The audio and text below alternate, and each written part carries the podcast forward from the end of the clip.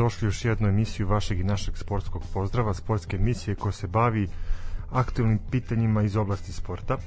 Analiziramo sportska dešavanja 53. put sa vama i možemo slobodno da kažemo da to radimo poprilično dobro. Već 53. put, što znači da radimo, da smo u kontinuitetu i da, da stvaramo između ostalog. Uh, ono što bih hteo još da napomenem je to da ćemo večeras imati malu nagradnu igru, tako da ćemo vas blagovremeno obavestiti o čemu se radi. U suštini možemo to i odmah da uradimo. Možemo odmah, da. Ovaj, pa jebi ga, ako je predsednik dao, dao po 30 eura građanima, zašto ne bi i mi bili velikodušni kao i on? Uh, u suštini o čemu se radi? Uh, u saradnji sa specijalno oftalmološkom bolnicom Eliksir iz Novog Sada, uh, pošto je novembar mesec borbe protiv diabetesa i u novembru se nalazi svetski dan borbe protiv diabetesa, mi ćemo pokloniti nekoliko vaučera sa popustom na pregled. U suštini o čemu se radi, treba ćete da se javite u toku emisije. Razmišljali smo da li da to bude neko pitanje da postavljamo, ne, ali nećemo se glupiramo. Ovaj cilj je da što više vaučera podelimo znači na broj koji sam ja okačio na Instagramu, Twitteru i Facebooku, a i sad ću ga pročitati još jedan put, znači SMS-om na uh, 0607145266 treba da se javite sa vašim podacima, pa ćemo vas posle kontaktirati nakon emisije. Da, dijabetes je jedna opaka i podmukla bolest od koje se ovaj ne umire, ali sa kojom se umire ovaj i koja zna da vam onako poprilično zagorča svakodnevni život. Uh, ono što je poenta je da se uh, pregleda jel neki preventivni preventivni pregledi da vidi se da li postoji neke promene na krvnim sudovima jel šta se dešava kod dijabetesa.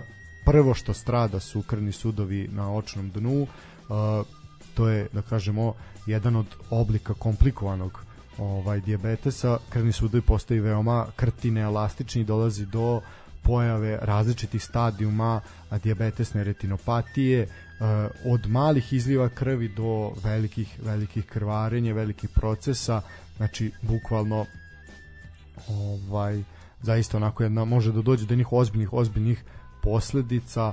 A, ono što je svakako dobro da se može prevenirati, znači to je eh, svakako laserskim laserskim lečenjem, ovaj a nažalost kada to više nema mogućnosti za to, onda preostaje ozbiljna vitreoretinalna hirurgija koja onako baš nažalost nije toliko nije toliko prijatna ovaj tako da ono što je problem da naš narod uglavnom ne vodi računa o, o svom zdravlju i ta neka priča koju je Eliksir pokrenuo i sa nama i ne samo sa nama nego uopšte i sa domovima zdravlja da je preventiva zapravo naj bitnija da se ne dođe do tog stadijuma, znači naravno zajedno sa endokrinolozima, a onda naravno i sa oftalmolozima. Tako da eto, javljajte se na SMS, na broj telefona 0607145266 u toku emisije, pa ćemo se posle kontaktirati, dogovarati kako šta. Eto, jedna lepa, lepa akcija da sprečimo nešto, da ne dođe do nekih ozbiljnijih ozbiljnijih problema ovaj a mi ovaj nemamo tu o, lepotu da nas gledate tako da eto pošto je onako malo naš uh, radio emisija sarađuje sa očnom kućom malo ovaj je je ironično ali no dobro njima svakako hvala Pazi, to može da utiče na ljude koji prate domaći sport. Pa naravno, kako ćete, znaš, ne možeš ostati bez oka je, kako ćeš vidjeti nešto što se lepo desilo.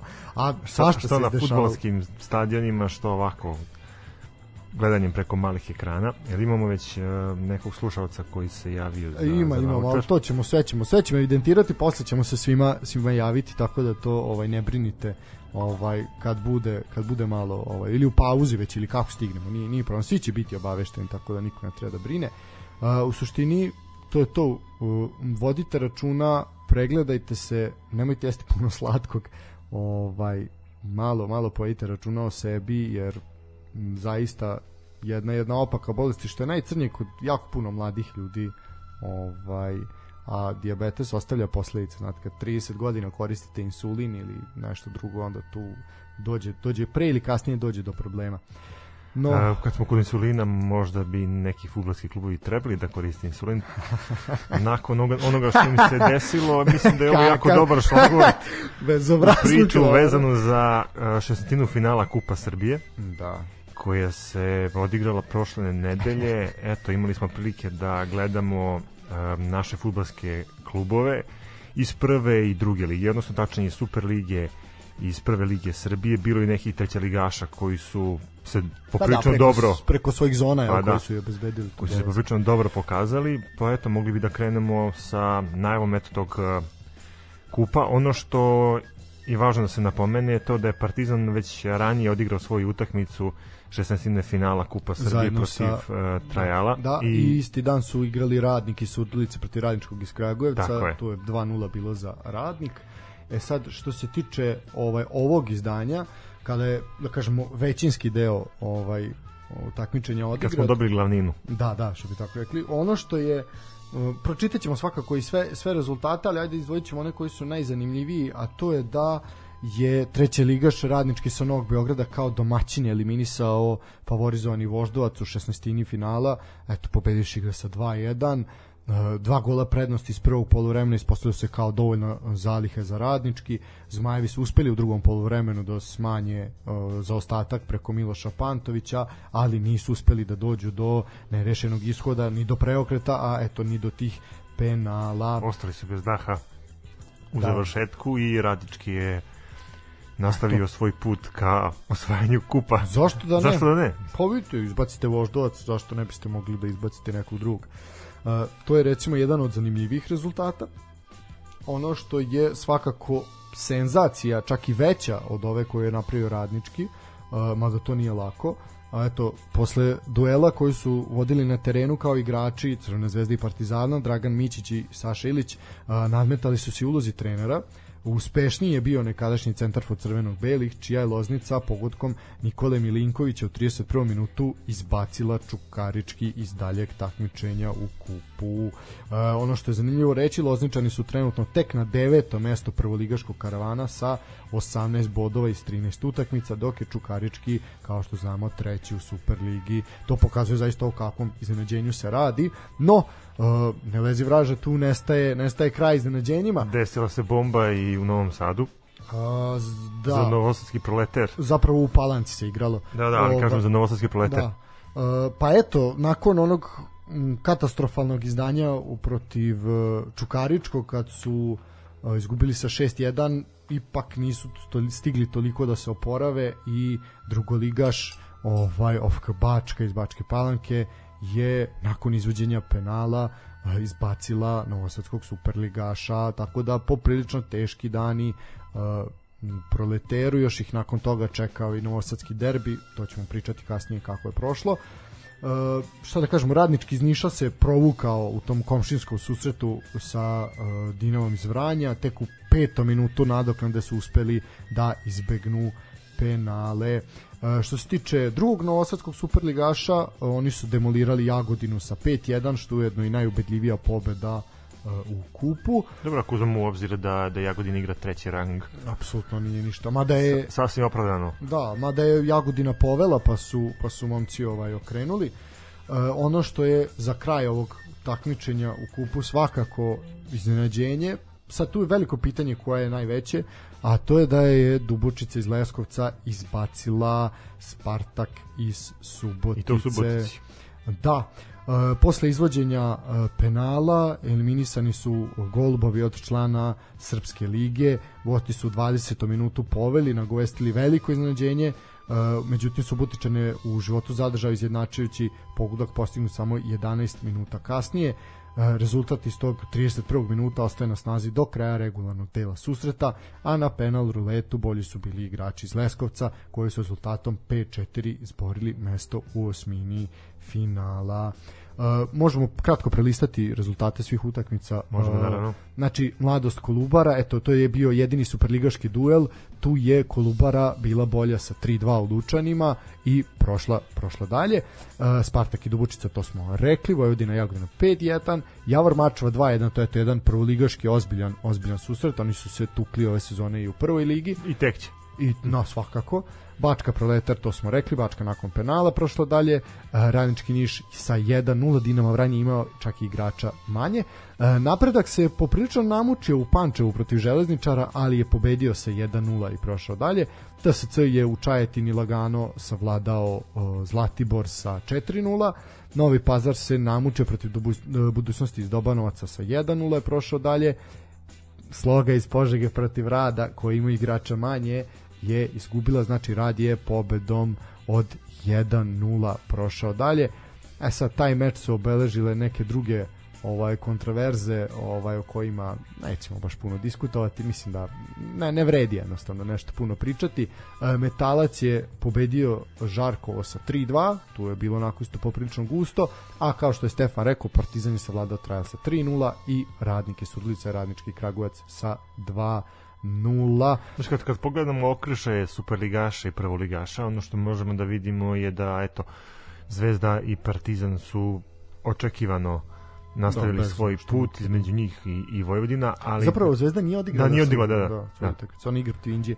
Uh, desilo se to da možemo stvarno da vidimo da, da je mala razlika između klubova koji se nalaze u donjem delu Super ligi i klubova koji se nalaze u prvoj ligi. Pa definitivno, da. Ako pogledamo da Sad, da, da li kome to govori u korist? To je pa TSC je dobio Zlatibor 4-0 i tu je TSC pokazao svoju dominaciju. Znači, te, sve te ekipe koje su, ako izuzmemo Spartak, a, koji je stvarno kiksnuo protiv Dubučice, nekako mi se čini da su tu neki, negdje klubovi istog ranga. Pa jesu, da, znači tu pravu si, to je ona, ali to je ona priča, znači da tebi je zapravo drugi deo tabele, donji deo tabele u Superligi. Je zapravo nadogradnja prve, prve lige. lige. Apsolutno, po svemu, zaista po svemu. Pa eto vidiš Novi Pazar i budućnost, mislim ružno je reći, ali tako je. Opet se pokazuje da mi zaista nemamo kvalitet, a to ćemo sad tek svakako pričati kad krenemo ovaj o ligi. Šta sam jednu stvar sam primetio baš dok sam posmatrao novosadski novosadski derbi. Uh, možemo onda polako i na ligu. U suštini uh, kad bude se obavio dalji žreb za takmičenje u kupu, to ćemo svakako blagovremeno najaviti. Bez stresa, bez stresa. Da, pa šta? ovaj to je što je možemo možemo e, na ligu kad smo kod lige igrali su se utakmice za, za ostale da, da, to je u, u sredu i četvrtak bilo to su prvo je Zvezda išla u Surdulicu to je za ostala utakmica petog kola sećamo se zbog obaveza u Evropi i bum iznenađenje zemljotres niko živi nije očekivao mislim da ni oni ni ne znaju kako je došlo do ovoga uh, pa ajde, ajde prvo da, da pogledamo samo činjenicu da da da i mi kad smo prognozirali uh, naš tiket koji eto i ovu i ovo kolo nije prošao. E, ali malo nam je falilo. Uh, mi smo ovaj ovo kolo što je odigrano mislim da smo samo opet na jednoj na jednoj utakmici pali. Ovaj ovo za ostale ove to sam posebno, al to ne računam. Znači, opet malo, malo fali, napredujemo, popravljamo se, ulazimo u foru, da tempiramo. Da je Slaviša Kokis i dalje na mestu predsjednika Futbolskog saveza, pa da urgiramo ovako teško, teško morat ćemo da se stvarno oslanimo na sreću i na eto naše kladioničarsko znanje. Na znanje, nema sreće ništa. Kada smo kod utakmice Radnika i Crvene zvezde stvarno veliki bum, Zvezda je uspela da kiksne posle koliko utakmica. Da li bi to nazvao, ma ko, pa ne znam, mislim to više niko nije brojao. Da li misliš Infinity da je beskonačno. Da, da. Da li misliš da je to uh, kiks Zvezde ili je odlično izdanje Radnika? Pa ja bi to dvostruko karakterisao i kao dobro izdanje radnika i tu bi pohvalio golmana koji je stvarno pokazao Momak taj dan koji je i već kvalitet. iz kola u kolo, da, fantastičan Ranđelović. Ali između ostalog i zvezdu koja je podcenila ekipu radnika i koja je nonšalantno ušla u tu utakmicu i na kraju se opekla. Da, mislim, zaista je radnik potpuno zasluženo pobedio. Uh, ovo je po meni i možda najlošije izdanje Crvene zvezde mučili su se ove sezone na početku i protiv napretka i protiv mladosti sve, ali radnik zaista predvođen majestralnim Spasićem, Bogdanovskim, Golman Ranđelović, Hodžić po desnoj strani, znači zaista ovaj jedna timska, timska, kolektivna, odlična igra. Uh, eto, jedan od najvećih triumfa u svojoj istoriji. Vodili su sa 2-0, uh, Zvezda je da kažemo na vreme uspela da se vrati, da, da, vrati u igru. Gol kad u 73. minutu tako ne. Pa da, ali zaista ovaj je radnik bio bliži trećem golu nego što je Zvezda bila bliža drugom. Uh, ono što se može još reći, uh, nekako je Crvena zvezda bila bezidejna. Kanga je tu nešto vukao, ali ni, ništa ni tu posebno, to su bili neki centar šutevi na pamet, nikome ništa. A, radnik je bio toliko borben, zaista a, dugo nismo videli da jedna odbrana toliko a, perfektno, perfektno odigra da zaista znači bez, bez greške, oni ništa nijedan čak nijedan sumnjivi start nije bio u kaznenom na primjer ni jedno igranje rukom ne nismo videli znači, ništa zaista, tiče tih uh, spornih da, situacija. E, zapravo bilo je jedno var je, var je gledao onu jednu, jednu odluku. Jedno je pitanje bilo da li se igra rukom i sve ali je čisto bila ruka uz telo tako da to nije ovaj nije ništa ništa toliko sporno. Uh, e sad imamo izjavu Dušana Đorđevića, ovaj bivšeg trenera uh, Čukaričkog sad trenera Radnika. On kaže da je znao da mora negde da im se vrati za ono sve što im se dešalo u proteklom periodu i iskreno najmanje sam očekivao da to bude protiv Zvezde, ali momci, momci zaista vredno rade i treniraju, mislim da su zaslužili sve ovo, ne znam više šta da kažem, nekoj vrsti sam euforije i zaista je bilo euforije na terenu, a i na tribinama, ljudi su slavili onako ba, baš kao da su osvojili ligu, a eto još jedan kuriozitet da je ovo prva pobeda radnika na domaćem terenu u ovom šampionatu. Znači, naravno, kvota u max betu gde mi igra vaše humanitarne etikete bila je 26. Znači to ti pokazuje kolika je razmera svega ovoga. Svaka čast, nema šta reći. Izjava Dejan Stankovića. Može, da. Uh, zapravo Stanković nije ništa. Uh, imamo više El, El Fardu Ben se tu nadovezao, tu je, on, ta, ta izjava je možda bolja. On je i pre same utakmice rekao da se titule gube na malim utakmicama. Znači, ne, sad, naš teoretičar je zavere će reći, pa, znaš, to je dogovoreno bilo, ali zaista Crna zvezda ne bi dala god da igrala još dva dana ovaj, tamo.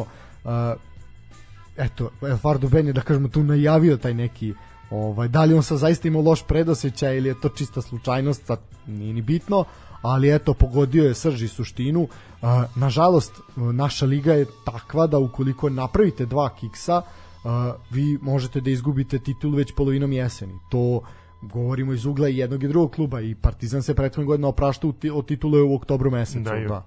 Ono, po četiri kiksa u, u uvodnim kolima i to je to. Uh, to sada nešto slično se dešava uh, Zvezdi. Uh, imali su to um, to iznenađenje u prvom kolu protiv Vojvodine, zatim nerešen rezultat u derbiju i evo sada i prvi poraz posle, mislim 44 utakmice, ali nemoj me, nemoj držati za reč. Uh, naravno nije ovo sad neka prednost da se ne može stići s tim da Zvezda ima e, još jednu utakmicu da Manje, nadoknadi da, treba, da. treba te koliko plus 8 da ovaj naš znači u korist Partizana da. tako je tako je znači ako ovi stignu to je pet bodova ne, ne treba ni ovi da otpisuju titulu a ne treba ni ovi da, da se raduju previše. Ima tu još mnogo da se igra. E, mesec novembar, to ćemo nakon prve pauze izvući, e, šta čeka jedne i druge i treće u novembru mesecu. Znaš kakve utakmice? Pritom sve se igra na tri dana. Znači svi imaju po dve utakmice u Evropi, znači grupnu fazu gde vijaju prolazi jedni i drugi i imaju može se reći da će novembar biti mesec derbija. Sve osim večitog derbija ćemo vidjeti u novembru. Pritom mislim da se uh, polusezona završava 15. decembra. 15. decembra da je poslednje poslednje kolo. Pritom uh, vidite kako je vreme, znači može tu biti problemi. Klimatske promene. Naravno. utiču. Nema grejanja u Novom Sadu i Beogradu, može biti svega ovaj. Tako da, uh, zaista, vidjet ćemo, jako veliko očekujemo sad i Evropa, uh, šta tu reći za jedne i za druge, to ćemo i do toga. Ne, jako zanimljivo će biti i to ćemo svakako dalje komentarisati. E sad možemo na drugu zaostalu utakmicu. E, drugu zaostalu utakmicu igrala su u Beogradu između Partizana i Metalca. Partizan je to rešio rutinski u svoju korist rezultatom 3-1. Šta reći? Poprilično dobra utakmica i obe ekipe su pokazale određeni kvalitet. Ono što je interesantno to je da je nakon 45 minuta rezultat bio 1-1. Da, u prvom poluvremenu je to dosta bila ravnopravna igra i onako u prvom poluvremenu se Partizan malo i mučio. Metalac igrao otvoreno i hrabro, a kao što si sam rekao kao neka nagrada te igre nakon 45 minuta stajalo je 1-1.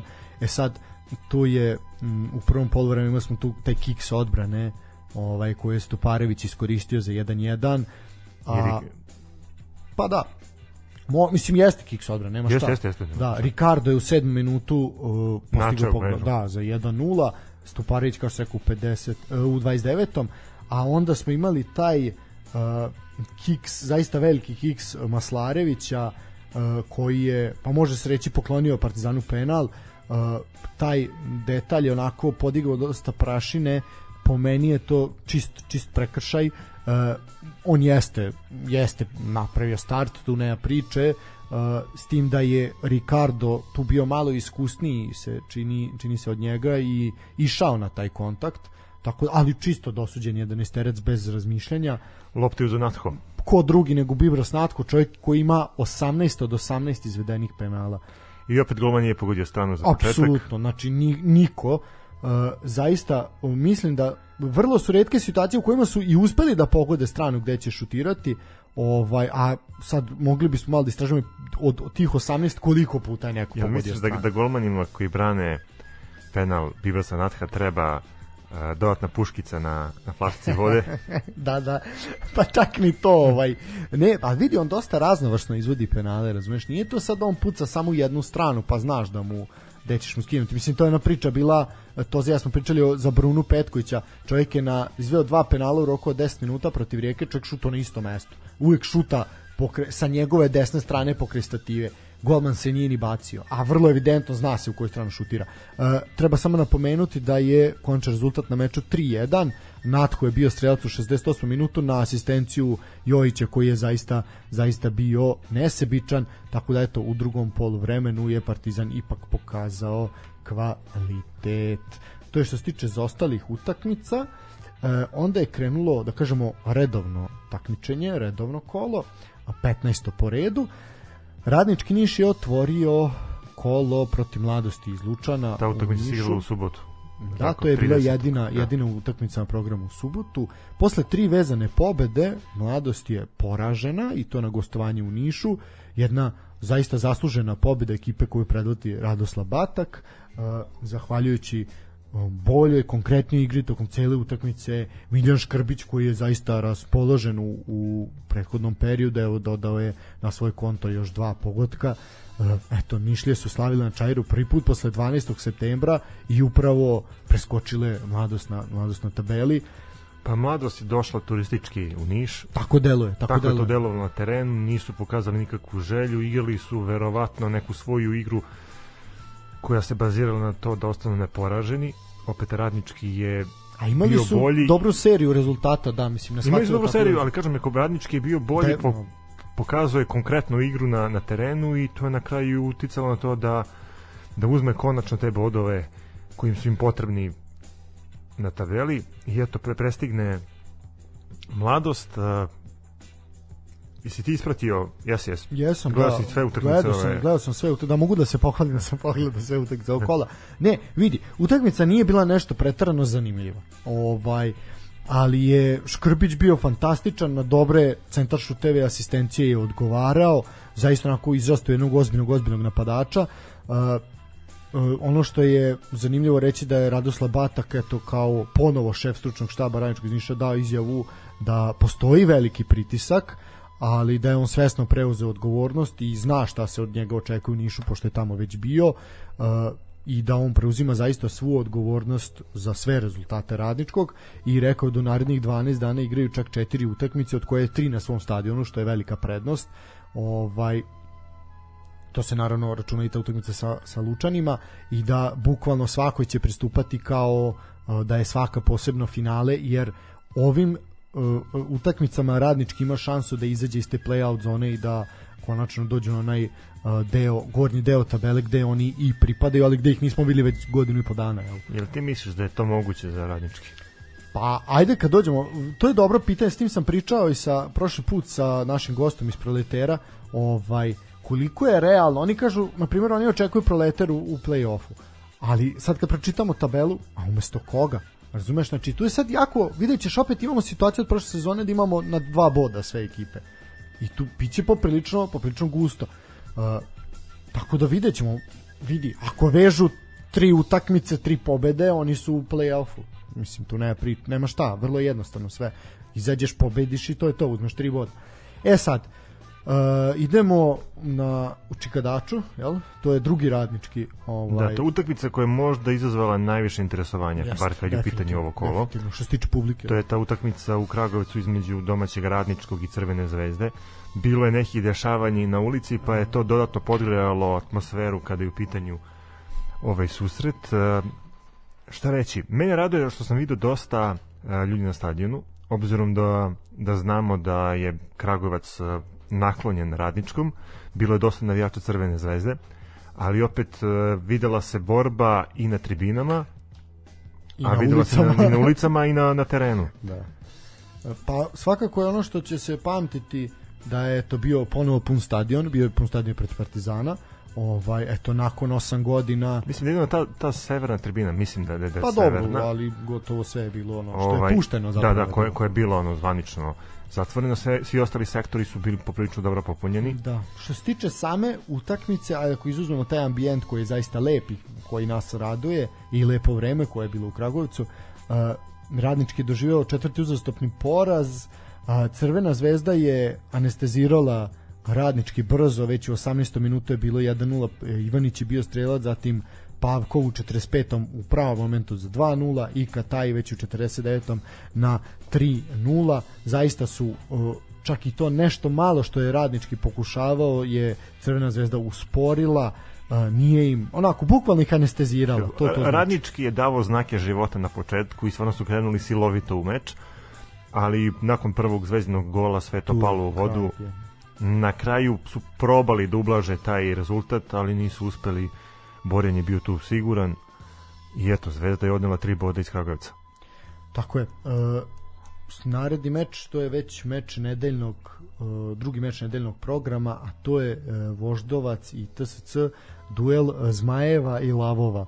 Ovaj Uh, zaista jedna odlična utakmica, odličan duel dva tima uh, bi, koje se nalazi jedan do drugog na tabeli. Uh, bilo je zaista nekoliko dobrih šansi pored ova oba gola, ali su se mreže trešle samo po jedan put.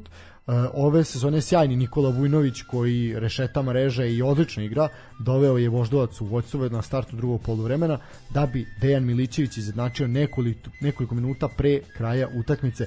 Uh, TSC je prekinuo seriju od tri vezana poraza, dok Voždovac nema poraza u posljednjih pet utakmica i zaista ko je odlučio da ove večeri poseti stadion Voždovca na tržnom centru imao je šta da vidi Voždovac je pokazao jedan uspon forme koji se podudara sa dolaskom novog trenera jel, Aleksandra Linte a eto, da ste uspeo da pobedi to neko psihološko opterećenje, da nadoknadi taj gol za ostatka koji su imali i da brate prekine taj niz od tri poraza, mislim to zaista nije nije uopšte lako.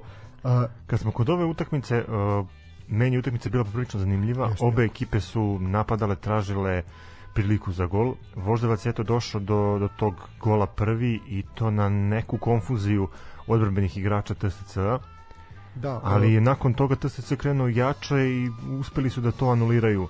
E, Svakako utakmica koja je obilovala sa dosta prilika i baš mi je žao što je to samo ostao taj rezultat e, koji si ti već napomenuo. Da, što se tiče, da, rekao si, u ranoj fazi uh, drugog poluvremena, znači 49. minutu, uh, nije mogao mladi golman TSC-a bolje da reaguje, zaista sjajnu dubinsku loptu je dobio Vujnović, namestio se onako jednim iskusnim poluvolej udarcem. A fino mu je legla lopta. pogodio, ma nema šta, pogodio je mrežu za zaista veliku radost domaćina.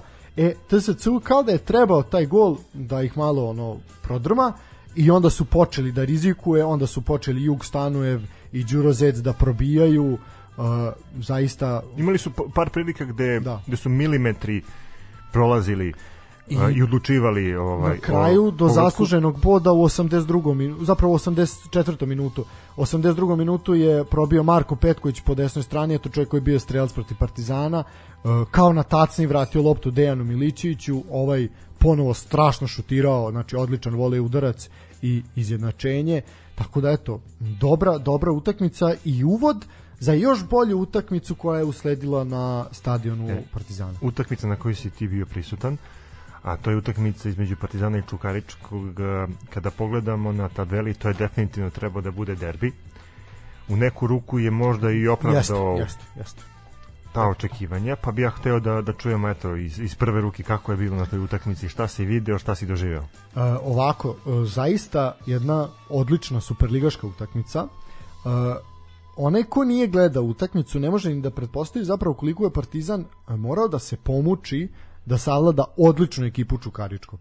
Vidi, golman Popović je najzaslužniji što je Partizan prvo nije primio gol, uh, i to već u ranoj fazi meča, kada je fantastičnom paradom reagovao, pa su onda čak momci Čukačko podli stativu. E, Docić je izveo četiri veza na kornera sa iste strane. Sva četiri puta je pogodio čoveka u trepavicu. Znači, odlični šutevi su bili glavom sva četiri puta. E, Popović je par puta morao ozbiljno da, ozbiljno da interveše nakon tih kornera. To je samo, to je jedna stvar. E, Čukarički je bio bolji u prvom delu utakmice, e, imali su dobre, dobre napade, par puta su im svirali offside, bio je, ali je bio onako na, na granici. E, zaista tri, tri sjajne šanse, eto da kažemo, je imao Čukarički. E, Popović je zaista briljirao, e, odbrana Partizana je poprilično spavala i ono što je neki kuriozitet, na primer, u ekipi Čukaričku imate zaista jako visoki igrače i oni su dolazili svaki put na te kornere, ali ni jedan put nikog od njih lopta nije gađala. Znači oni su odvukli Saničanina, jel ko je tu bio od višljih, i onda su, da kažem, rastom niži igrači dolazili do skoka, skočni i upućivali, upućivali udarce. Tako da je jedan fantastična taktička priprema, jedno onako ozbiljni problemi za Partizan. E sad, u 33. minutu odličan centaršut Zeke Jojića, Vujačić je skočio, bio bolji, brži i pogodio od stativu za 1-0. Pre samog pogodka Partizan je imao dve dobre dobre šanse kada je golman golman Čukaričkog zaista bio bio na visini zadatka i odbranio odbranio udarce.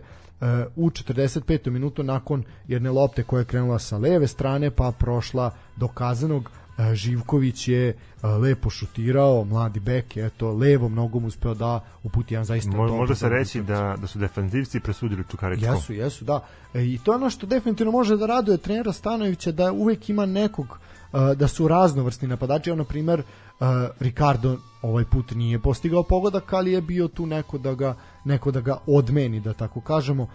Bilo je tu još prilike ovaj i u prvom i u drugom polu vremenu i za jedne i za druge imao je Partizan još jedne onako sigurno Čukarički jako prilike. dobru priliku kada je Popović izvukao da. loptu sa, sa gol linije. Bilo je, zaista, zaista je ja, jedna jako dobra utakmica na visokom nivou. Uh, Partizan je ovom pobedom, jel to je 14. pobeda u 15 odigranih mečeva, dok je Čukarički prvi put poražen od 29. avgusta kada je izgubio od Crvene zvezde i definitivno ja sam dosta smo poredili i kad smo bili na stadionu pričali o, o tom duelu upravo protiv Crvene zvezde uh, koliko je Crvena zvezda u tom momentu uh, mnogo lakše savladala Čukarički nego što je to Partizan, uh, Partizan učinio da preko je veče. E sad ono što svakako moram prokomentarisati, a to je naravno povratak legendarnog partizanovog kapitena kao Mislim da, da ekipe. ta vest uh, više odjeknula nego sam rezultat. Da, i jako je I da bitno. se o tome mnogo više pričalo nego nego samoj utakmici Što ostalog. Kao da je Saša Ilić ukrao šou i svojim igračima i svom Ali deluje mi da to klubu. njemu nije, nije, nije bio cilj. Naravno, naravno, a, samo kažem tako deluje. Da. I sad, uh, ajde, moramo sad da budemo objektivni. Sašilić je naravno legenda i pr onog momenta kad je kročio na teren ceo stadion je je skandirao i jednostavno vidi se da je onako i on je bio pod emocijama. Pa naravno, pa ne, kao što i sam rekao pre same utakmice gledajući da ne promašim slačionicu ovaj u kojoj treba da odem.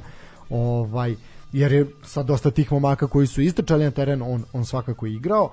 E sad, e, kamera ga je snimala tokom intoniranja jel himne koja ide tradicionalno pre, pre početka svake, svake utakmice i on jednostavno da li nije hteo da se obuzda ili nije mogao, nije želeo, ovaj i on je pevao onako vidi se u sebi e, što je svakako kod najača Partizana izazvalo pozitivne emocije, ali je onda kod drugih ovaj izazvalo salvu komentara i uvreda i odmah se počelo porediti sa onim kako su mediji dočekali na nož Lalatovića kada je doveo svoju decu na atletsku stazu kad je uh, kao trener vodio ekipu protiv Crvene zvezde. Sećamo se svi da. toga da. i mi smo to komentarisali. E pa moramo sad biti fair, tada smo osudili Lalatovića da ne mogu deca da sede, nemaju šta da traže na kupi za rezervne igrače, znači to se zna da tamo sede ljudi koji su licencirani. Čini mi se da Ilić je prekršaj nije takav, ali ono uvek ali opet jeste za za neku vrstu pa neku, osude znaš kao pa ti možda si, ne ti si, osude, ti si ali trener, opomene, ali da. jeste ti si trener Da. uh, jednog fudbalskog kluba koji pretenduje na visoku poziciju u ligi to, razumeš?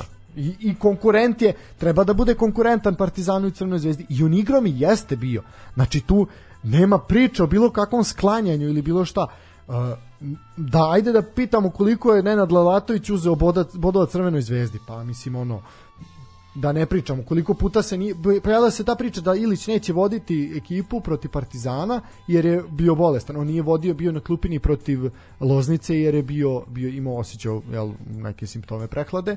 Ovaj međutim on je testiran pre same utakmice dobio negativan test čovjek je sedeo na klupi. Koliko puta se Lalatović naprasno razboleo i nije i nije vodio Nije ekipu, ekipu, da. a sigurno 6 ali opet i to mi je nekako moralan potez znaš ako te emocije obuzimaju ako ne možeš da izdržiš Ok, a, da. znaš kao prepusti to nekom koji je u stanju da, da to udradi 100% E, pa da, evo stiže da poruka ako šta da, kažu? da, šta pa da, kao kad kad nešto voliš, onda kao voliš, ne, ne treba ga zaosuđivati zato što je pokazao emocije, ima pravo to, pa ima, da, ne, ne, ne, ne to je njegov njega, klub, ali mislim. opet kao taj neki vid profesionalnosti, pritom znamo da Saša Ilića koji važi za jako profesionalnog Apsolutno tokom čoveka. karijere koliko incidenata ima, Mož, možeš na prste jedne ruke obrati, a karijeru i 20 godina se bavi fudbalom i više. Mislim, ok, Partizan jeste njegov klub, on je u Partizan došao kao dete. I tu nema priče, on je, je prošao sve kategorije, legenda kluba, čovjek sa najviše nastupa, večni kapiten, sve to stoji. I ta scena je, je slatka, lepa, sve to, sve, to svaka čast i to jeste e, fino i emocionalno i sve i ja verujem da bi od tih 3-4 hiljade ljudi, inače sramna posjeta na stadion Partizana, sramna posjeta. Za nedelju 18.30 po ok, vetrovitom vremenu, ne toliko Dobro, hladno. preko dana je bilo poprilično sunčano. 20 stepeni je bilo. Uh, sramna poseta. Uh, ne valja navijačima termin nedeljom u 21 kad se igralo protiv Surdulice, tada je bilo negde oko 5000 ljudi, sada je bilo manje. Ne znam šta je zvaničan podatak, ali je bilo manje ljudi.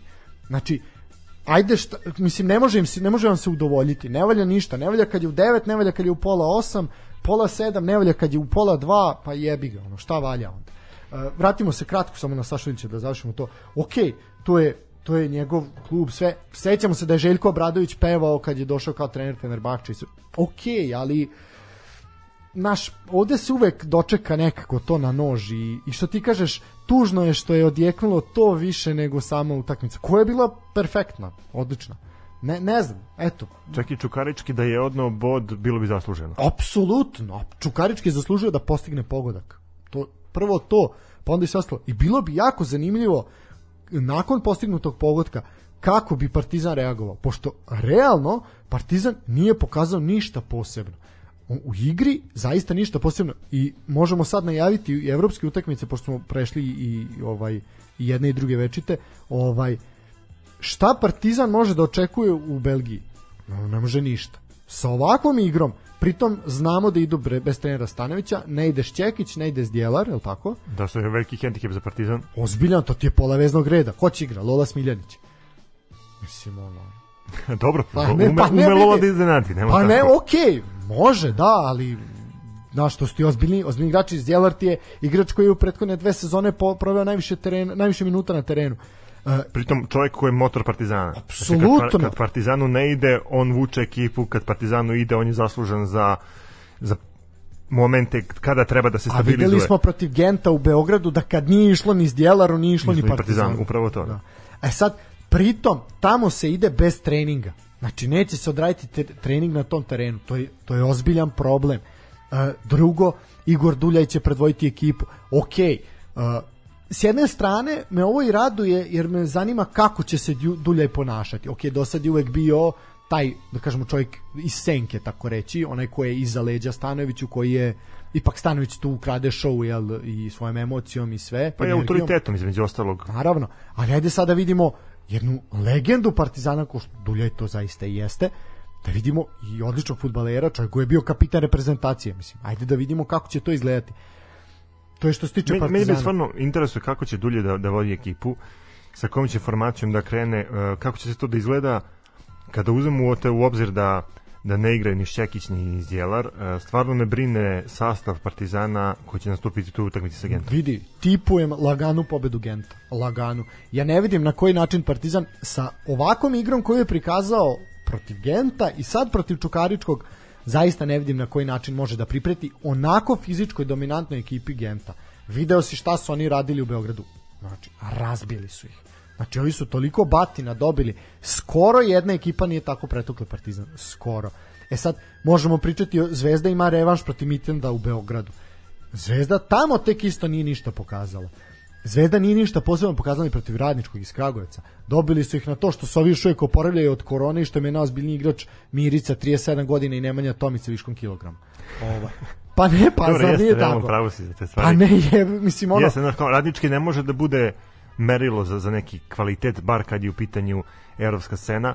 Pa- imamo tu situaciju da je Zvezda dobila Midtjylland, tako mislim. Ne, jedan- jedan je bilo- Da, bilo jedan su vodili pa su pa, pa Ivanić izjednačio. Da, da. Ali zaista, zapravo Ivanić je pobeo, izvini, da dobro si da Zvezda povela pa su onda Da, izjednačili. Da. Ovaj, nego sam se krenuo zašto su bili gosti, pa sam se po- pomešao. Pogodili su stativu, ma vidi, znači, Borjan je spašavao, ne znam ni on šta je i sve izvadio. Uh, jako loša predstava Zvezde gore.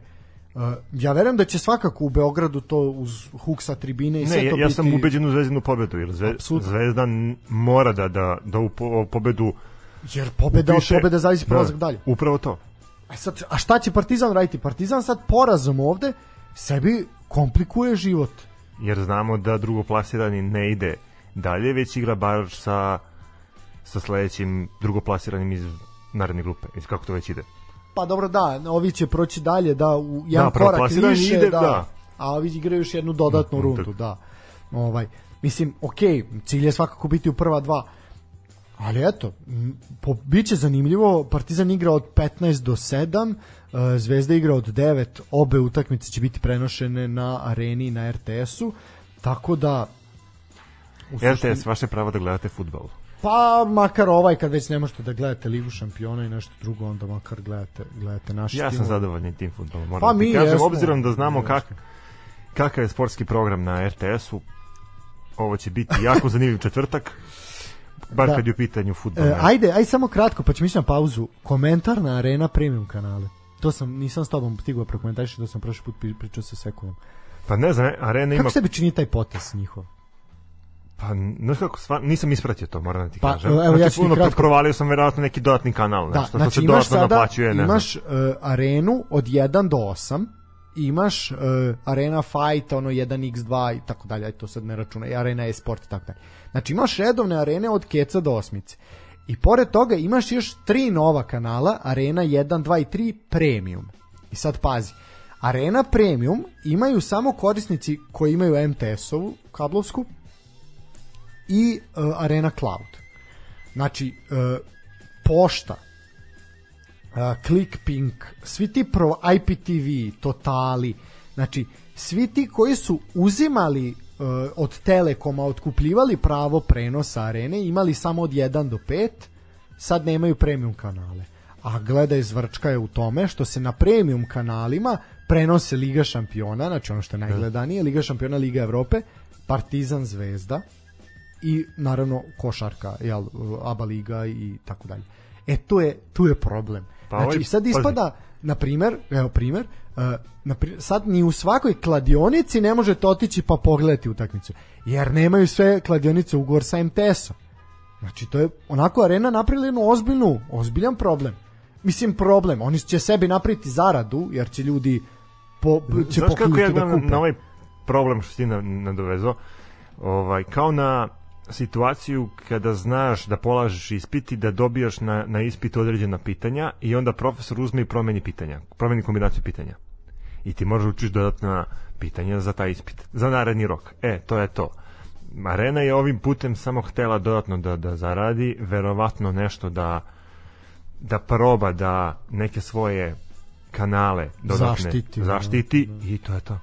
A, sad, to je, s jedne strane imaš tu priču, znači da sad ono, nedos, nedostupnije je nego što je bilo, mada je arena i poprilično i ovako nedostupna većini, e sad, ali otvorilo je drugu stvar, da ti sada imaš popriličnu raznovrsnost programa i to je ono što smo mi pričali da će areni trebati i ti sada komotno imaš uh, na primer, jedan kanal prenosi ovo prvenstvo u boksu koje ne gleda niko živi. Znači, to, to ne može neko da me ubedi.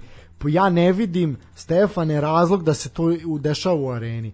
To je moglo da ide u Pionir ili u halu na Novom Beogradu. Ali onda ne bi Aleksandar Vulin tako masovno otvorio to prvenstvo. Pa okej, okay, mogli otvaranje biti u areni pa ih premestite. Uh, sad imaš problem gde ti Partizan igra evropske utakmice protiv Juventuda, protiv Turk Telekoma gde se ljudi bore i krvlju plaćaju kartu. Mislim, uh, platiti hiljadu i po dinara je najjeftinija karta bila protiv Juventuda. To je ozbiljna, ozbiljna cifra. Ali kad smo već kod toga moramo samo da napravimo malu digresiju i da kažemo da sportski pozdrav ima svoje predstavnike. Naravno. O, onaj čovjek to, to, to ko, kog redko čujete, da, Toza je, Toza je otišao. Ovaj, ne, okej, okay, imamo još jednog predstavnika. Pa i Žika je tamo. O, da, da, da. Pa eto, dva, dva tamo, dva ovde. Ne, mi smo izgleda jedini ljudi koji nisu otišli na tu utakmicu danas. Ovaj, tako da, po meni je to neshvatljivo. Ok, imaš jedno, jedan kanal koji prenosi tom to. Imaš, znaš koliko sada se dobilo prostora za neke košarke, za rukomete, koji su bili skrajnuti jer arena prenosi puno futbalskih liga. Ja sam gledao Tuzla željezničar, znači ok, dob, odli, brutalna utakmica je bila, ali može zato što ima prostora. E sad su problem komentatori. Sad, sad ne mogu da se skrpe s komentatorima. Pa Tre... ništa, to otvara pozicije za nova radna mesta. da, Areno, čuj nas. ovaj, da, dolazimo. A sad kad si to spomenuo, razmišljao sam i na tu stranu da Arena možda hoće sa ova tri premium kanala da testira za narednu sezonu kada prenose Premier ligu. Definitivno, da. I mislim da je to možda razlog. Sad, naš, nije samo financije, mislim, opet, financije su uvek background, da ali možda sad stvarno situacija da moraju da, da se prilagođavaju određenom programu. Ne, pa definitivno, ono što smo pričali, pazi, opseg liga koji prenose je jako velik. Znači, ti, ti imaš ozbiljna takmičenja, pritom se termini podudaraju i realno je da ti ne možeš bez 11 kanala to izvesti, razumeš? Pritom mi je opet neshvatljivo da na Areni 5 konstantno idu dokumentarni filmovi, pa jebe mu uključi to, daj da gledamo nešto. Mislim, vidi, prenosiš Češku ligu gde recimo svako kolo imaš makar jednu zanimljivu utakmicu. Uglavnom je to Slavija ili Sparta kad igraju sa nekim, jel? Da, Ako nije Pa dobro, da, sad zavisno s kim, s kim se s kim se ko poklopi. Imaš škotsku ligu prenose gde uvek Rangers ili Celtic imaju jednu zanimljivu makar utakmicu. Ali sve su to utakmice koje se igraju u nekom sličnom terminu. Francuska liga, Italija, uh, sad imaš, imaćeš Engleze. Bosna, Hrvatska, Srbija, pa, pazi, i dalje arena, što je za svaku pohvalu, prenosi svaku utakmicu Superlige. Sekula je to u ponedljak lepo rekao prošli, gde je to uh, odlična stvar, jer lakše je i našim superligašima koji nemaju toliki budžet da se pripreme za, za protivnika time što će preko arene pogledati tu utakmicu. Da, da, da. da. Tako da ima to sve svoje prednosti i svoje mane, ali definitivno da je jedan potez onako koji je malo uh, zatekao naše stanovništvo. Nisu ljudi očekivali da eto će se tako nešto desiti. I sad je problem naš sad daj de, nema nigde prenosa. E pa ljudi, idite na stadion pa pa gledajte kad nema prenosa onda ide se na stadion kupite kartu. Ili sezonsku ulaznicu. Ili sezonsku, sad je kasno sezonsku.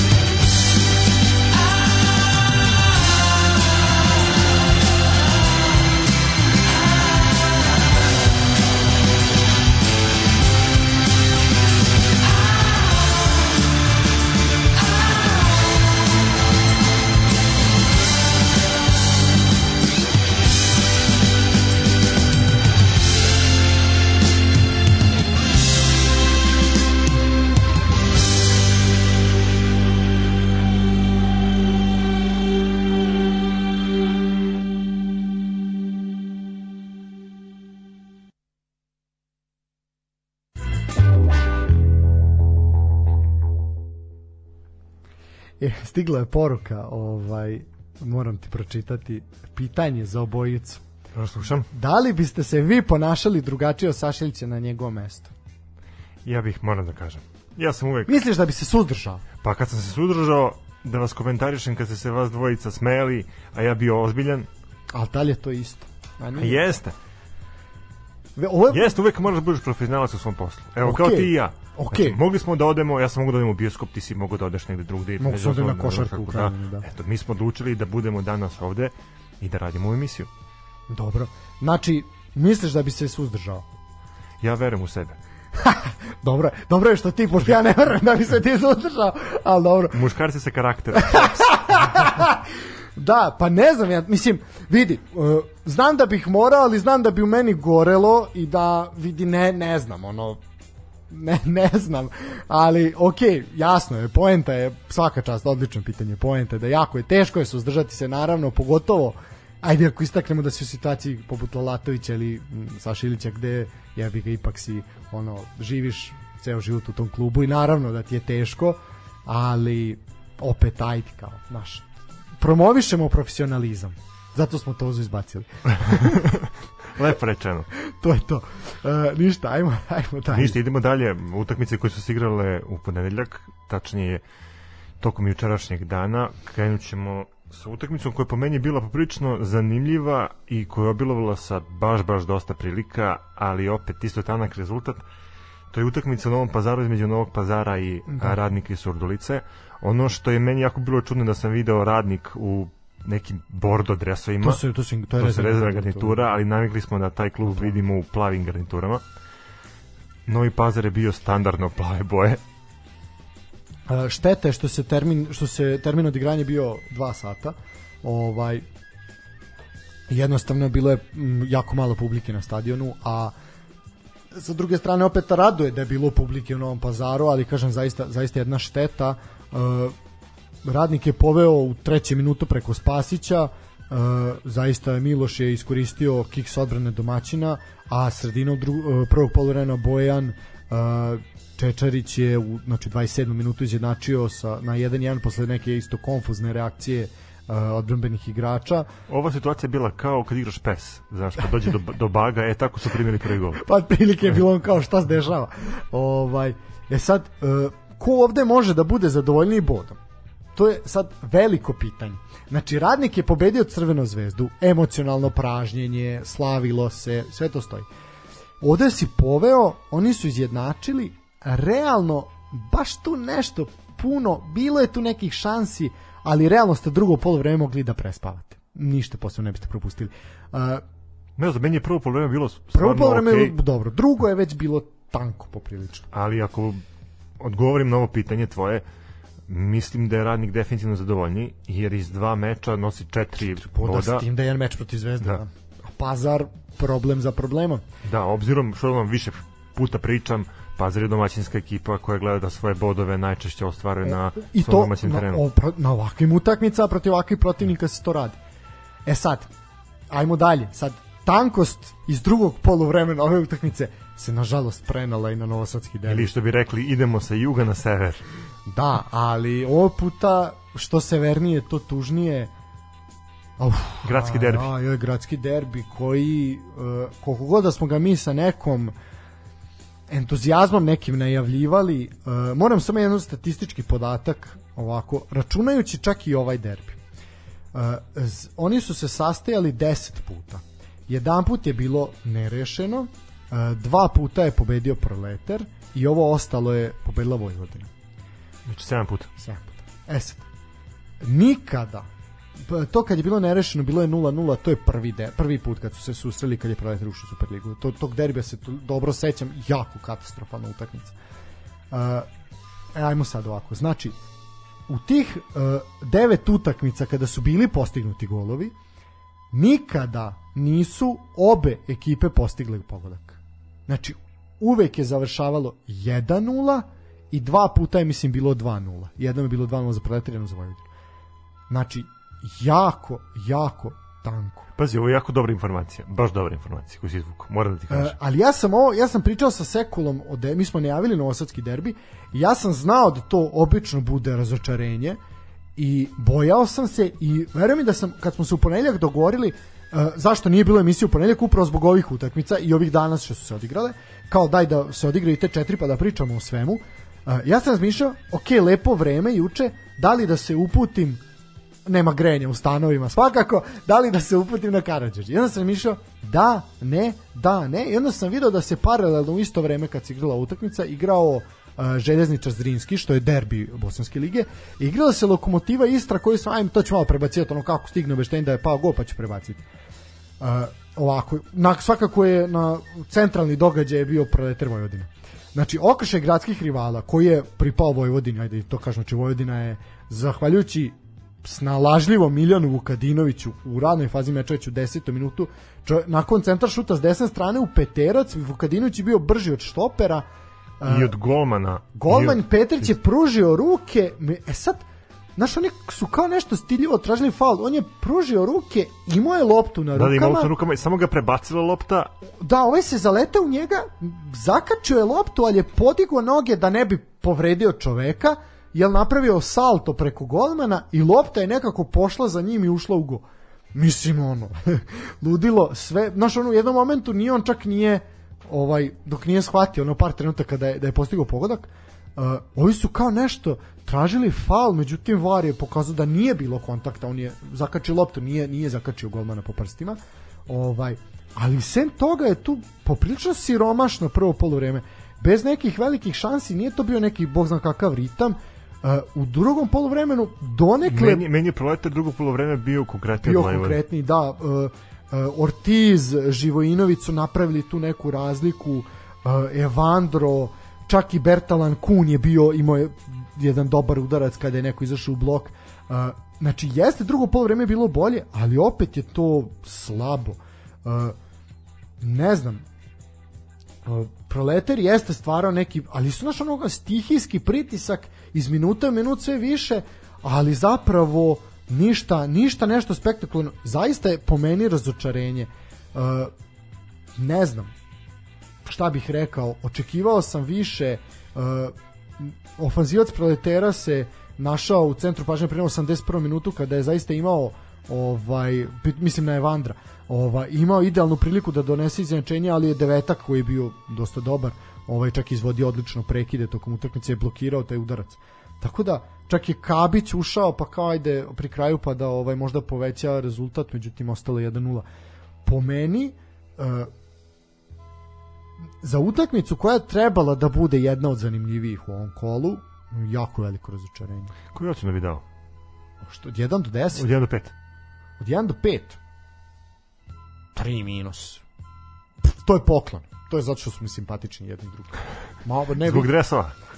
A pritom aj smo kod dresova uh, rezervna garnitura Vojvodine oča kakva je ono boja šta je ono? Znači ono liči ni šta je to neka tirkizna plava nešto tirkizno plavo bez veze. uh, Ne znam, meni su simpatične te boje, ne znam zašto nekako mi. Ok, da, ali nešto je bilo ekipu. Nešto je bilo pa da, ono, mekani su koji te boje, mislim, ono, jezivo, meni, meni ovo katastrofa utakmice, jedna od loših u ovom kolu, znači, uh, zaista loše, ovo je, ne, ne znam. Uh, Znaš, kad pogledam da je Vojvodina tokom svoje istorije te rezervne kombinacije imala poprilično dobro, imali su plavu garnituru, pa su imali belu sa, sa crveno-zlatnim nijansama, Pa da, uglavnom su bili plavi, ali da. manje više, da. Ali onda kao ova kombinacija neke plave boje tirkizne, ne. Možda je malo svetlije nego što smo navikli, zapravo sam da je možda malo tamnije ne bio problem. E, imao se na primjer dosta ljudi je komentarisalo kad sam kod Resova, dosta ljudi je komentarisalo zašto je Partizan igrao u gostujućoj garnituri protiv Čukaričkog. Zato što je lepša, kraj.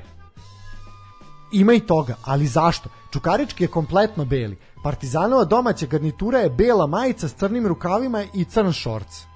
Pritom je Partizan domaćin i Partizan bira domaćinski dres, znači čukarički treba da se prilagodi njihovoj uh, garnituri. Znači da je čukarički, čukarički rezervne dresovi su skroz crni. Na šta bi to ličilo? Znači imao bi 22 crna igrača na terenu.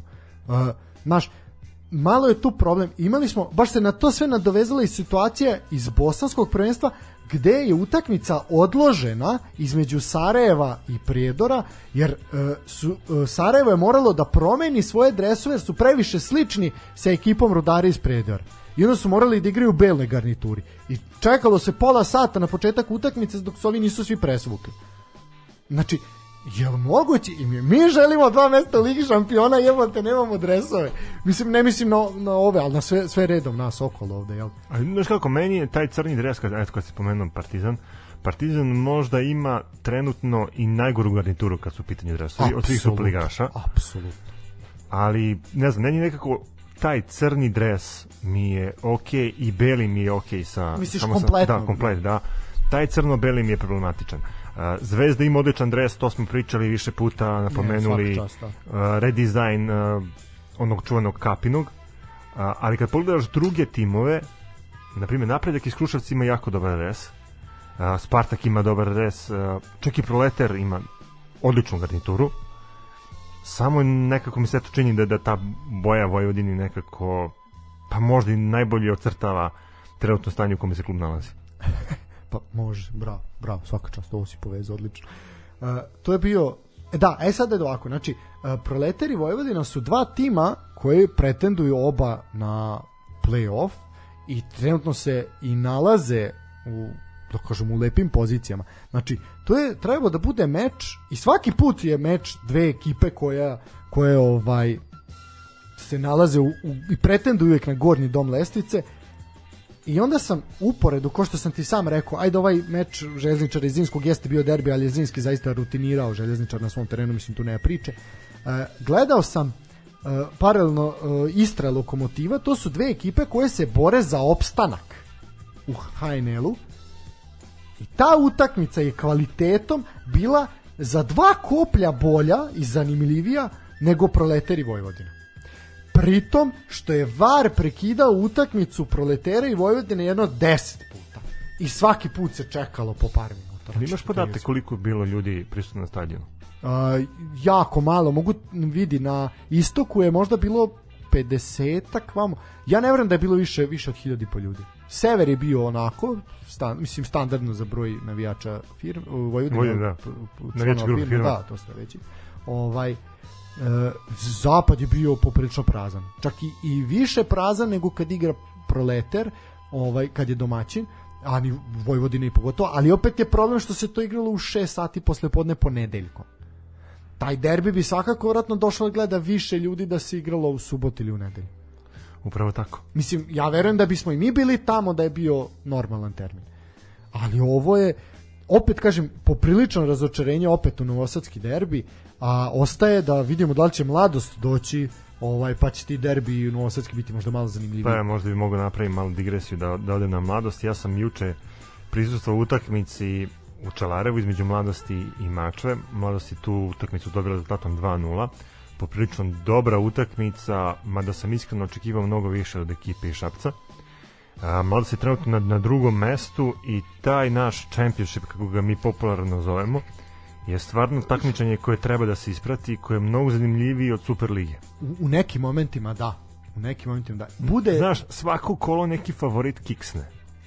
Ali vidi, pa imaš to sad i, i u našoj i u Superligi imaš recimo da svaki imao si Dobro, da, Kiksno zvezda. Kiksno zvezda sad. Imao si Pa ne jeste. Imao si Kiksno Kiksno zvezda. Pa je pre toga bio Kiksno TSC protiv Proletera. Bilo je jel Proleter dobio 1-0. Pa si imao ko je Kiksno onda isto pre... znači imaš imaš svaki put neko iznenađenje. Jedino kad smo kod tog našeg srpskog čempionšipa, Uh, utakmice su poprilično tvrde i kreću se rezultati 1-0, 2-0, plafon, znači, kad se desi na primjer 4-0, 4-1, to je onako baš baš velika razlika. Uh, ekipe su ujednačene, čak i one koje poslednji može da dobije ovo koje prvi, poprilično neizvesno takmičenje.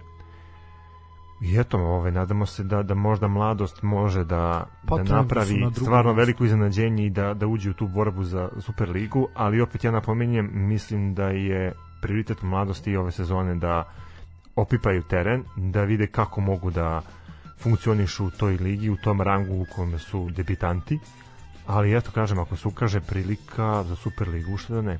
A, video sam da se stadion gradi, napreduju radovi. Napreduju radovi, sredili su parking, počeli su s rekonstrukciju klubskih prostorija, ta tribina glavna koja koja se radi, za koju je potrebno baš dosta vremena i u fazi izrade i ništa očekujemo da, da mladost nastavi u pobjedničkom nizu. Pitanje, da li će sa tim stadionom, ti si sad bliži, bliži uh, timu nego ja, uh, da li će sa tim stadionom mladost moći da igra Superligu?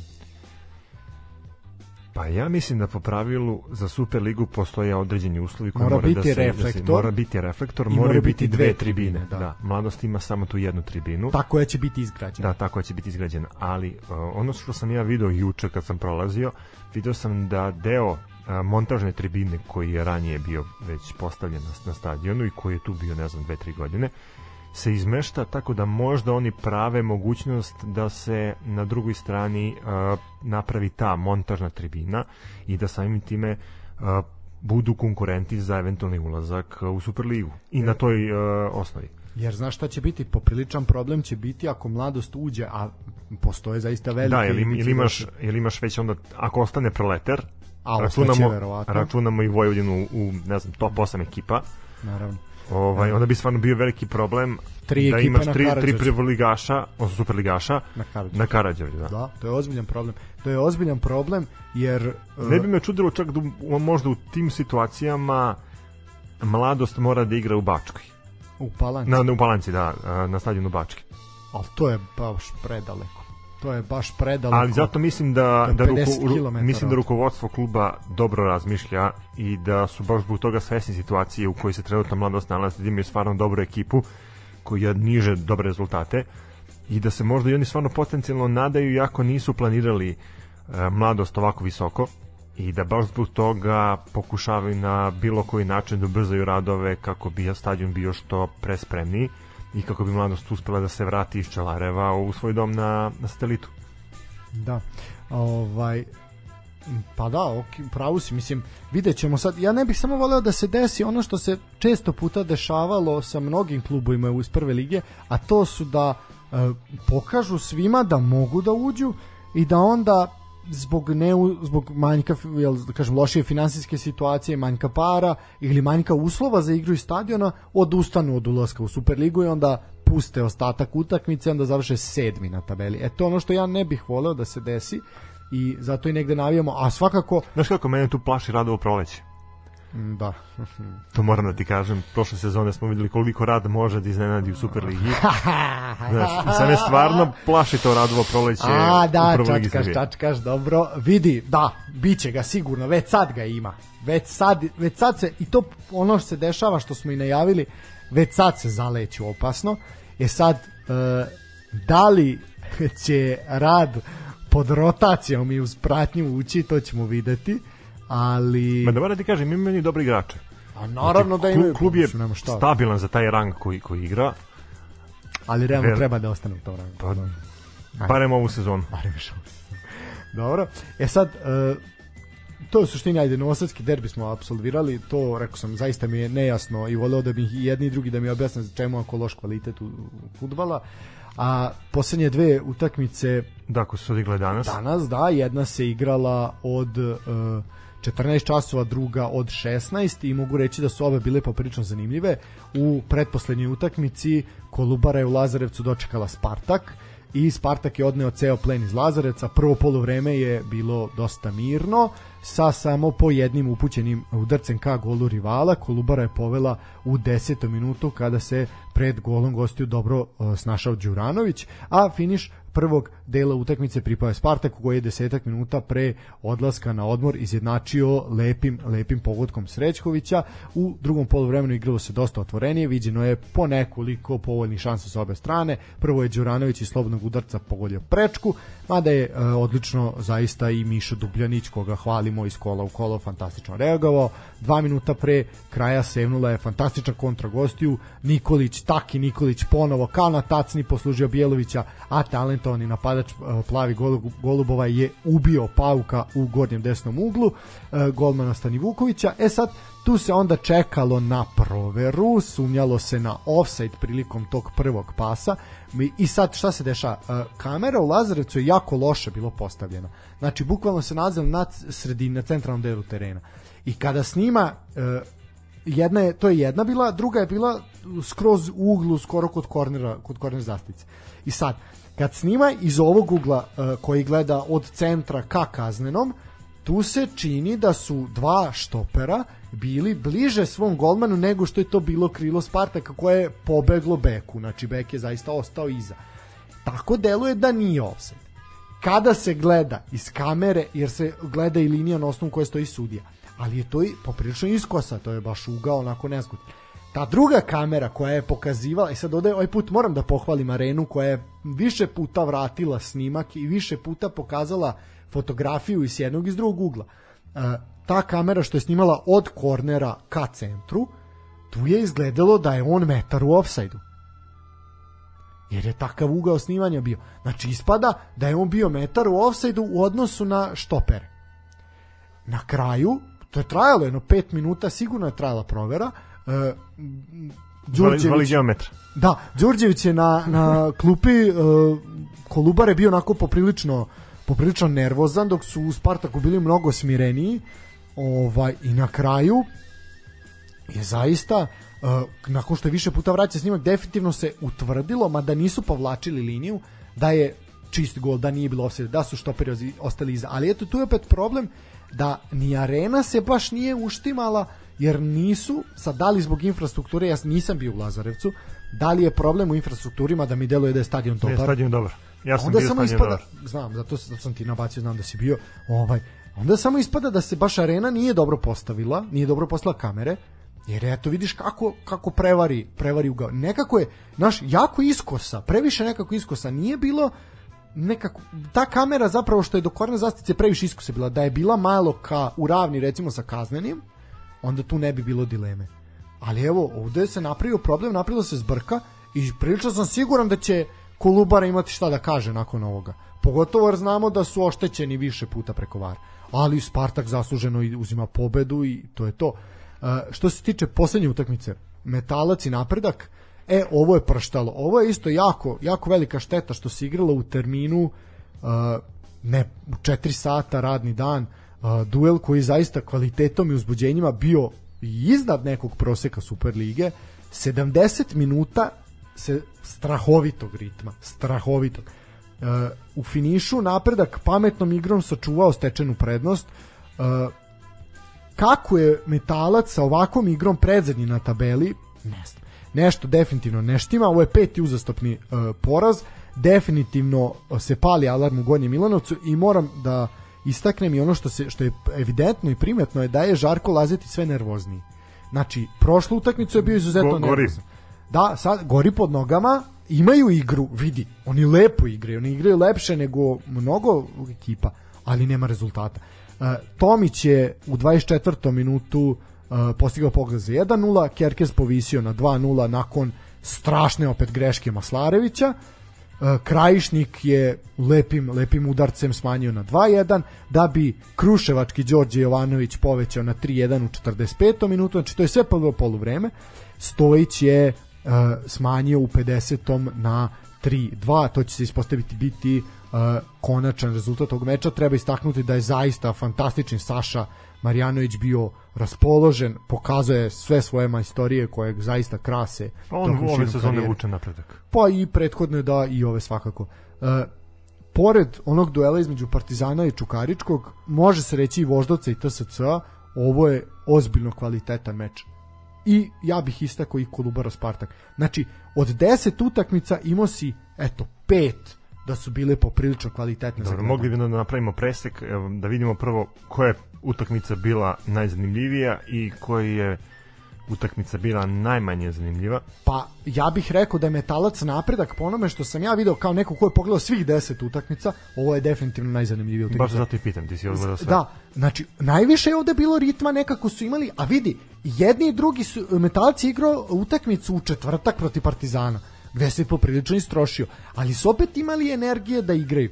I opet neshvatljive dve greške Maslarevića. Maslarević je pogrešio i za 2-0 i za, i za 3-1. Ispala mu je lopta na nogu Jovanoviću. A proplivavanje prilikom, mislim, definitivno mislim da je Maslarević u vreme da se preseli na klupu, a da neko drugi dobije šansu, jer čovek greši iz utakmice u utakmicu, vamo je skrivio penal, sad je ovde dva gola primio. Naš problem je što takve neke individualne greške e, bacaju senku na zaista dobru, ekip, dobru igru ekipe Metalca. Druga utakmica po kvalitetu Partizan Čukarički, treća Kolubara Spartak, onda ovo ostalo kako poređe. Voždovac TSC, ovo ostalo kako poređeš, nebitno je totalno. Ništa, idemo na tabelu. Možemo na tabelu. Uh, od, odakle želiš? Pa ništa, idemo od, od prvog mesta ka poslednjem. Da, znači idemo od prvog ka posljednjem. Uh, Partizan je prvi uh, nakon 15 kola, oni su odigrali sve svoje zaostale uh, utakmice i imaju gol razliku 44 naprema 5, što je vidi fantastično. Ovaj tako da svaka čast 14 pobeda, jedno nerešeno, šta šta reći, zasluženo prvi, 43 boda. Crna zvezda druga koja ima i dalje utakmicu manje. E sad, kad smo kod Zvezde i kod Partizana, ono što čeka i Zvezdu i Partizan do kraja meseca, a to je Crna zvezda dočekuje Midland uh, u četvrtak od 21 čas, zatim ide uh, u Vojvodini. Da, krećemo ponovo krug. Da, obrće se krug. Uh, ide Vojvodini, pa zatim dva, ima reprezentativna pauza, jel igramo naše igre protiv Portugala. 20.11. se gostuje u Lučanima. Da bi 25.11. dolazi u Ludogorec, 27.11. ili 28. verovatnije dolazi Spartak iz Subotice. Znači to su ozbiljne utakmice u, u novembru mesecu od kojih ti mnogo toga zavisi. I da ne pričamo onda još šta ih sve čeka u decembru. U decembru imaju tri utakmice u Superligi i još jednu ligu Evrope. Pritom tu negde treba učačkati i tu za ostalu utakmicu. Da, da. i vidi kup protiv Indije koji nije odigran. Znači Zvezda je poprilično u problemu. A šta čeka Partizan? Uh, Partizan ovako, Partizan sada gostuje Gentu, vidi, savet svim navijačima Partizana, nemojte se nervirati, ovo je vidi, 1.85 je na agent, poklon, stavite pare, uzmite pare, ovde Partizan ne može ništa. Eto. Ja, možeš reći šta hoćeš, ja mislim da je tako i kraj. ovaj. Zatim, e sad Partizan, e, sad mu dolazi na naplatu ono što je e, taj teži početak sezone koji ima. Sada je Partizan dva puta domaćin Sećamo se da je u dva uvodna kola gostovao u Novom Sadu. Znači sad Proletar dolazi sedmog, evo 7. 11. od 20 i 15, a protiv Vojvodine se igra od 7, 20. 11. sad ne znam se još termin. Znači to je između te reprezentativne pauze. 25. se ide u Estoniju, e sad to je poprilično nezgodan taj put. E, Voždovac je se onda ide se u goste na krov tržnog centra 27. Znači to je vikend posle te utakmice posle Flore, da. I onda je naredno kolo dočekuje Novi Pazar, ali to je već decembar. U decembru ima i Novi Pazar e, i domaćinstvo Anortozi su odmah, znači tu ostaju u Beogradu, idu u Gornji Milanovac i Kolubara dolazi da se zatvara e, jeseni deo sezone 15. 12. Znači Partizan zvanično izlazi ide u Milanovac i, I ide u Estoniju. Ide u Estoniju. To je I to. Gornji Milanovac u decembru. Da, da, da. Znači tri, tri, tri izleta tri izleta ovaj iz van Beograda. Ok, to je to je zanimljivo. E sad pazi Vojvodinu. O, Vojvodinu sam istakao kao jako zanimljivu. Šta Vojvodinu čeka? Vojvodina ima duele i sa Zvezdom i Partizanom. Znači, prvo, uh, prvo su čeka, da, Zvezdu sad. Pa idu u Humsku, pa im dolazi Lučani, pa idu u Voždovcu, pa im dolazi Spartak i idu Pazaru. Da, da, da, prilično zanimljivo. Znači, o, ozbiljno, ozbiljno gadan, ozbiljno gadan.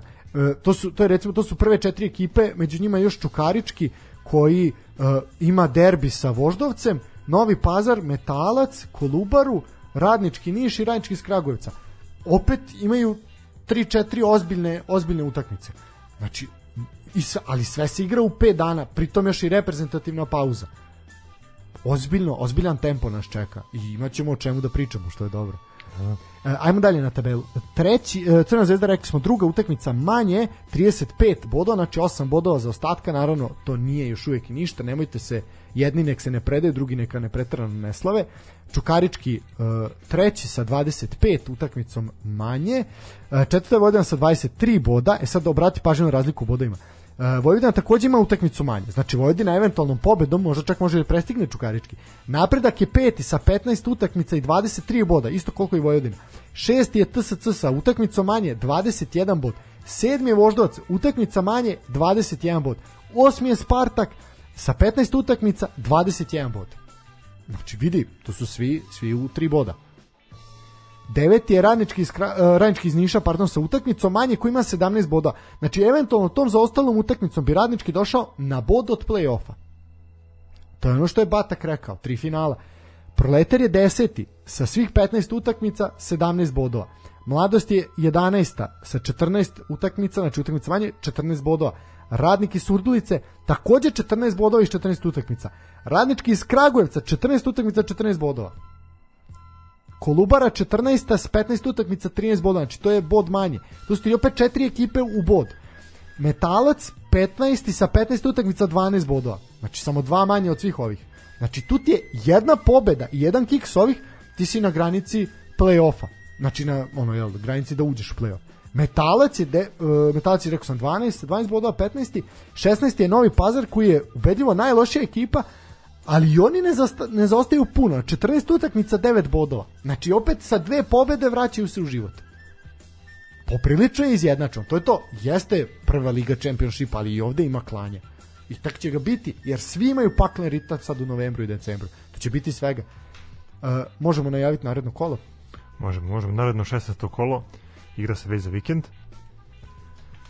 Sad moraš da mi kažeš ovaj, ko ćemo da popunimo još Na, jedan tiket. Naravno, i novo kolo, nova sreća. Vidjet ćemo dokle ima, ima smisla. Znaš kako, ako poslušam tvoj savjet, igram na Gent proti Partizana i uzmem pare, onda bi možda stvarno mogu da da bar dobijem taj konačno tiket u Pa tom ne. famoznom 16. kolu. Pa ne, definitivno, ovaj, mislim da to zaista nema šta da se traži, ovaj, ali dobro, ajde. Možda ja i grešim, mislim, ono, voleo bi da pogrešim, ali sumnjam da će tako biti. Uh, e sad da, igra se zaostala utakmica iz 13. kola, uh, znači trećeg, to je sutra, sutra od 16 časova duel dva radnička. Radnički Kravovac, Radnički Niš. Uh, da, s tim da je Niš domaćin. Da, Uh, e sad, to je ta zaostala utakmica koju su zbog bolesti odložili i aj sad budi pametan šta ovde igrate. I šta ovde uopšte očekivati?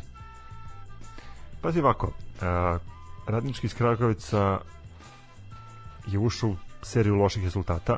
Igraju, Problem. igraju kući, imaju problem, a, možda je ovo prilika da se vade.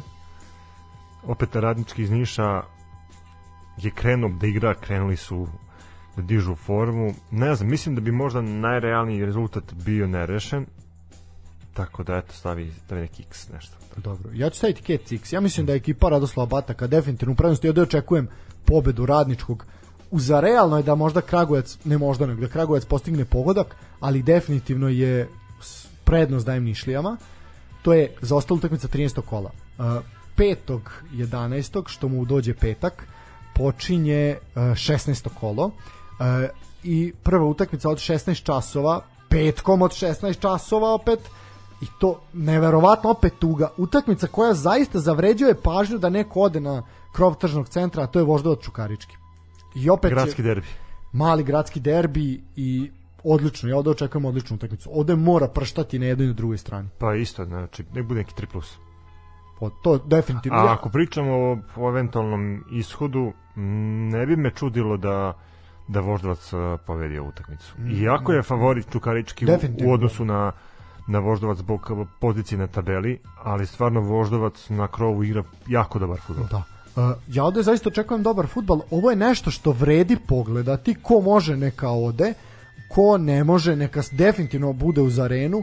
Ovo, ovo će biti dobar futbal. Uh, pogotovo što je Vujnović u fantastičnoj formi, Sta, Stanisavljević, znači ima dosta igrača u Voždovcu koji su u dobroj formi. S druge strane u Čukaričkom, Docić, Čolović, Šapić, svi su u dobroj formi. Uh, očekuje se Rakonjac je tu, Asmir Kajević, znači zaista, zaista, zaista dobar, dobar tim, mislim da ovde mora biti golova, ja, pošto si ti stavio 3 plus, ja ću staviti gol, gol. Dobro. Uh, mis, ajde, što se tiče, ako bi, kažemo, ishod samo, ajde, ja ću reći da će Čukarički pobediti, ali očekujem dobru utakmicu i trebalo bi ovde da pršti. E sad, uh, od 18 časova, isti dan, Novi Pazar TSC u Pazaru. E, TSC je znao da kiksne u pazaru da, tako je, toga se sećamo prošle sezone. i stvarno me sad ne bi iznenadilo da, Da se ponovi. da se ponovi. Pritom još uvijek nije rešeno pitanje trenera u TSC. Mirko Jovanović je privremeno rešenje, evo sad će mu to biti već druga utakmica, o, tačnije treća. Ovaj ne, mislim sad znaš kao tu čeka se tu, ko se čeka, ko, ko je dostojan tu sad da zameni ovaj, Krstajića. pa da, ko je, priča se o Veselinoviću, priča se o Lalatoviću, to su dva najveće favorita za mi bi naravno voleli Na, Lalatovića. naravno, da. naravno. Ali-. Priželjkujemo to mesto. Uh, ajde sad, šta ovde očekivati? Ja očekujem pobedu Novog pazara. U, ovo je, čekaj, možemo, mislim, možda i odmah i proveriti.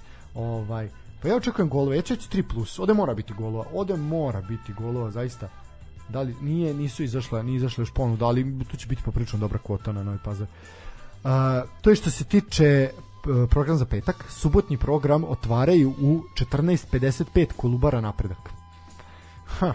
Dvojka na napredak. Dvojka napredak, dobro.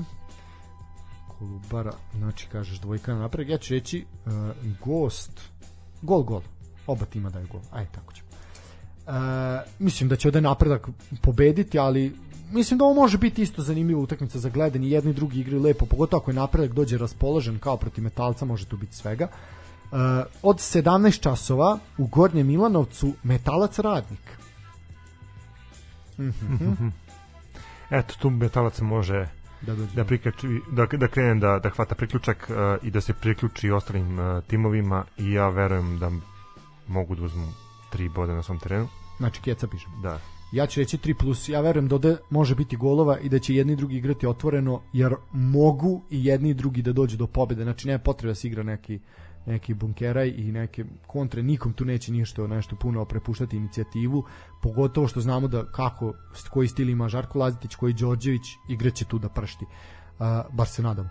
To je, znači, dve utakmice samo u subotu, e onda sad kreće nedeljni program koji je poprilično bogat, znači, uh, 7. 11. od 15 do 5 Vojvodina Crvena zvezda ekipa Vojvodine koja je Zvezdu namučila u prvom krugu uh, naše lige. Uh, mislim da će sada Zvezda morati da se revanšira za taj bod koji je Vojvodina otkinula u prvom kolu i ja tipujem na pobedu Crvene zvezde. Iako se znalo da, da Vojvodina ume da iznenadi favorite, mislim da u ovom slučaju definitivno Zvezda mora da odnese sva tri boda iz Novog Sada. Da, mora. Znači, ključna reč je mora, mora, mora, mora da. Uh, dobro, pišem dvojku. Da. Uh, ja ovde ne bih očekivao puno golova. Znači, ovo će biti jedna zatvorena utakmica, ja ću ovde reći od 0 do 2. Uh, e sad, poprilično zanimljiv duel, sad vidjet ćemo da li Vojvodina može da ponovi realno uspeh iz prvog kola, a, a da li Zvezda može da se revanšira, pogotovo što će Zvezda doći nakon uh, izuzetno fizički naporne utakmice protiv Midlanda. Znači to ne treba ne treba zaboraviti. Uh, dalje, e imamo ovaj bratski bratski duel od 19 časova. Uh, radnički Niš dočekuje Spartak i Subotica. Pritom Batak dočekuje svoj bivši klub. Ovo će biti lep futbal, sigurno. Pa, ali... ako izanaliziramo da su oni zadnjih par puta igrali poprilično otvorene utakmice sa velikim brojem golova. A, ne bi me čudilo da se to desi i, i da se ponovi i ovaj put. A, ajde, ne znam. Šta, ne, evo, ne mogu ti reći, samo što se tiče međusobnih mečeva. Znači, u poslednjih pet uh, međusobnih susreta uh, Spartak je pobedio dva puta, dva puta je bilo nerešeno, a Radnički je poslednji put pobedio na svom terenu uh, u avgustu 2019. godine, tad je bilo 2-1 za Radnički. Znači, eto, pune dve godine se nisu, nisu pobedili. Eto, ja tipujem na njih, nek bude 1x. Dobro. Ja ću reći x2. Mislim da je x2 realno da će ode Spartak odneti makar jedan bod. Dobro. E, to je 19 časova. E sad, od 20 i 15 7. 11. Partizan dočekuje proletar. Nedelja 8 i 15 na stadionu Partizana Jesi siguran u taj termin? Tako stoji ovde. Misliš da će biti neki Pa ja sam čuo da će biti oko pola tri. U nedelju? Da, u nedelju. Pa to mi nešto nema smisla. De, Ali, da, mislim, ovo stoji ovako, aj sad, ja ću, ajde ući ću ja dok... dok Kažem ti, ovo, to sam ja dobio informaciju juče, ali ajde. Da, ajde. Ja bih iskreno volao da bude taj večernji termin, Ovaj, da, ja, ja tražim, dok ti, dok ti pričaš, ja tražim na... Mislim da Partizan još uvijek nije izbacio to, ali bi trebala zajednica e, Superligaša e, to, to, da, da, da zajednici izbaci. Da. Superligaša sam upravo... Pošto se obično informišemo... 20 i 15. 20 15. Da. E, pa onda nek, nek bude tako. Potvrđeni su. Mislim, vedi, nije isključeno da se pomere termini, naravno, ali... A vidiš, e, pravu si, ima više logike da bude u pola 3. E, zato što se utakmica Zve, Vojvodina za igra u 15 do 5. A ovde Radnički Niš Spartak imaš od 7, onda ima ovaj termin u 8 i 15 nema logike. Ili da bude od uh, 9, 15 do 9, 9, ili da bude u taj rani termin. Ajde, vidjet ćemo. Da, okej, okay, to će se svakako što... Kažem ti, ja bih stvarno volao da, da bude taj termin ovaj uveče. Ja isto bi onda mogu da stignem da odem da. Da. Ovaj, a i šta očekujemo tu? Aj, Partizan pa, posle Genta. Mislim će iskaliti bez novima. Pa ne znam, ajte, očekuje se pobeda Partizana i da Partizan nastavi tu pobedničku seriju i da država tu prednost odnosno na Crvenu zvezdu, ali Proleter ume da iznenadi na strani. Ali mislim da je definitivno Partizan favorit tako da stavi pobedu na klub iz Humske. Ja ću reći 3 plus. Mislim da ovde do sada je zaista ovaj često često se dešavalo da ova dva tima odigraju sa uh, tri ili više pogodaka. Uh, dobro, i to je posljedna utakmica nedeljnog programa, a u ponedeljak u fantastičnom terminu od 13 časova ne, ne, ono, znači, kata, zaista katastrofa i pritom, neverovatno je da te termine kretenske dobiju klubovi koji zaista imaju publike na stadionu. Znači, uvek fasuju Novi Pazar, Radnički, uh, Kolubara. Kolubara, znači to sve ljudi koji imaju napredak, sve ljudi koji imaju bazu navijača koji dolaze redom. I ovaj put je fasovo radnički iz Kragujevca koji protiv mladosti će igrati u ponedljak u 1 sat. Mislim, Znaš kako, na tu utakmicu ni studenti ne mogu da dođu, pa zato što ni... idu u menzu da jedu. A, pa da, ono poješće im pasu iz kobasicu, pa, pa ne, ne, ne shvatljivo, ne shvatljivo. E, ali dobro, ajde, sad sad. Ne, ne, zašto ta utakmica nije, do duše jasno mi je zašto ne može se igra u nedelju, zato što uh, radnički pre toga igra za ostalu utakmicu u četvrtak, ali daj majku mu spustio u ponedljak, onda makar kasnije, nek bude makar u šest. Ne znam, ajde. No, oće jedno berberi moći, berberski slobodan dan i ponedljak, možda jedno će oni moći da stignu da gledaju. I ovi što rade u muzeju. da, da, da, da, da. Kustosi. Dobro, sreće pa ih nemamo puno. ovaj. Muzeja, nemamo puno muzeja, da, da, se. Da, da, da, da. Bar ne da rade. Ovaj. Dobro, šta, šta kažem ovde? Kako pa, utakmicu ovde očekujem? Ja mislim da ovde mladost bi mogla da iznenadi. Pa možda bi mogla, ali... Ili bi radnički mogu da izađe iz krize. Ne znam, fali Janiks na radnički. Maj, dobro. Oni su nekako uvijek bili simpatični kad uđe u ligu. Vidi, e, mladost Bojović se oporavio. Prošlo kolo bio strelac dva pogotka. Danovski je u odličnoj formi. Uh, ja ovde očekujem da oba tima daju po jedan gol. Eto. Pošteno. Pošteno. Uh, to je što se tiče ovoga uh, što se tiče evropske utakmice, eto ja sam dao svoju prognozu da tu Partizan, znači Kec na Gent bez problema. Šta ti kažeš? Pa eto, ja ću biti uh, patriotski nastrojen pa ću reći da Partizan može iznenadi i da uzme bar bod, znači nek bude x2, a verujemo u pobedu Zvezde u četvrtak na stadionu Rajko Mitića. Dobro. Ovaj, I to ćemo svakako evidentirati. Uh, dobro. U I očekujemo da nam se to zavrati. Možda. To bi bilo poželjno to bi iznenađenje kola. to bi definitivno bilo da iznenađenje kola. Uh, dobro, dragi moji, uh, reći ću samo da je počela utakmica uh, u Beogradu između uh, Partizana i Juventuda. Uh, eto jedna onako poprilično emotivna za Željko Obradovića kao čovjeka koji je bio prvak i sa Partizanom i sa Juventudom.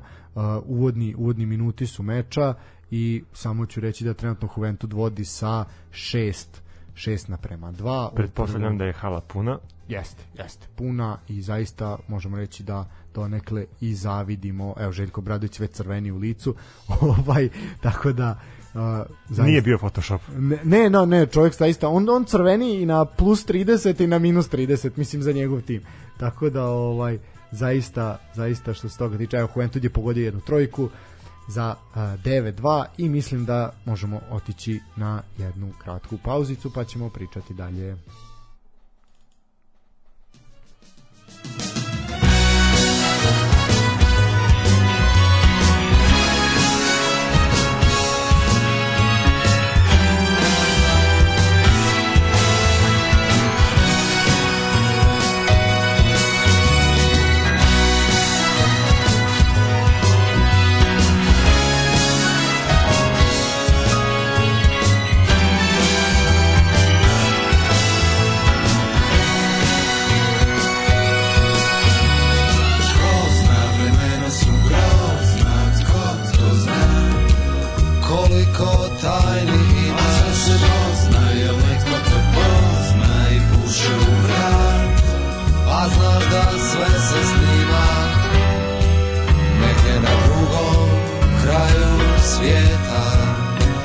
Nebeska smetnja smeta Da se ljubimo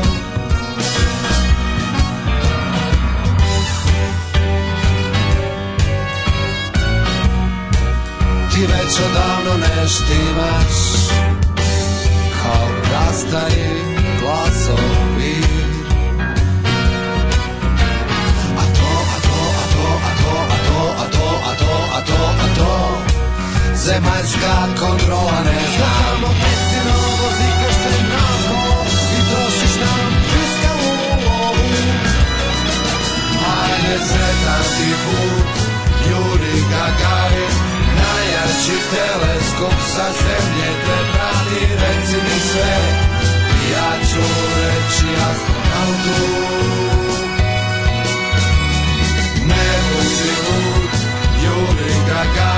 U sutrašnjem broju Kamzamorska je pravde Pisat će vijest Astronaut je prošao test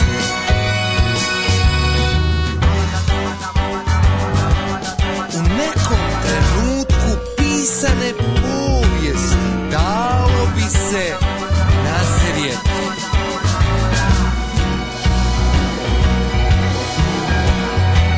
Za prost narod neidentificirani leteći subjekt. I dok zemljani čekaju trajekt. Za neko more svinje Po kojem plahutaju čekinjave svinje. I jedan veliki kit O kojem se raspreda mić. Da nad mu ocena ljubomorno skriva prugasti strečki š Znam,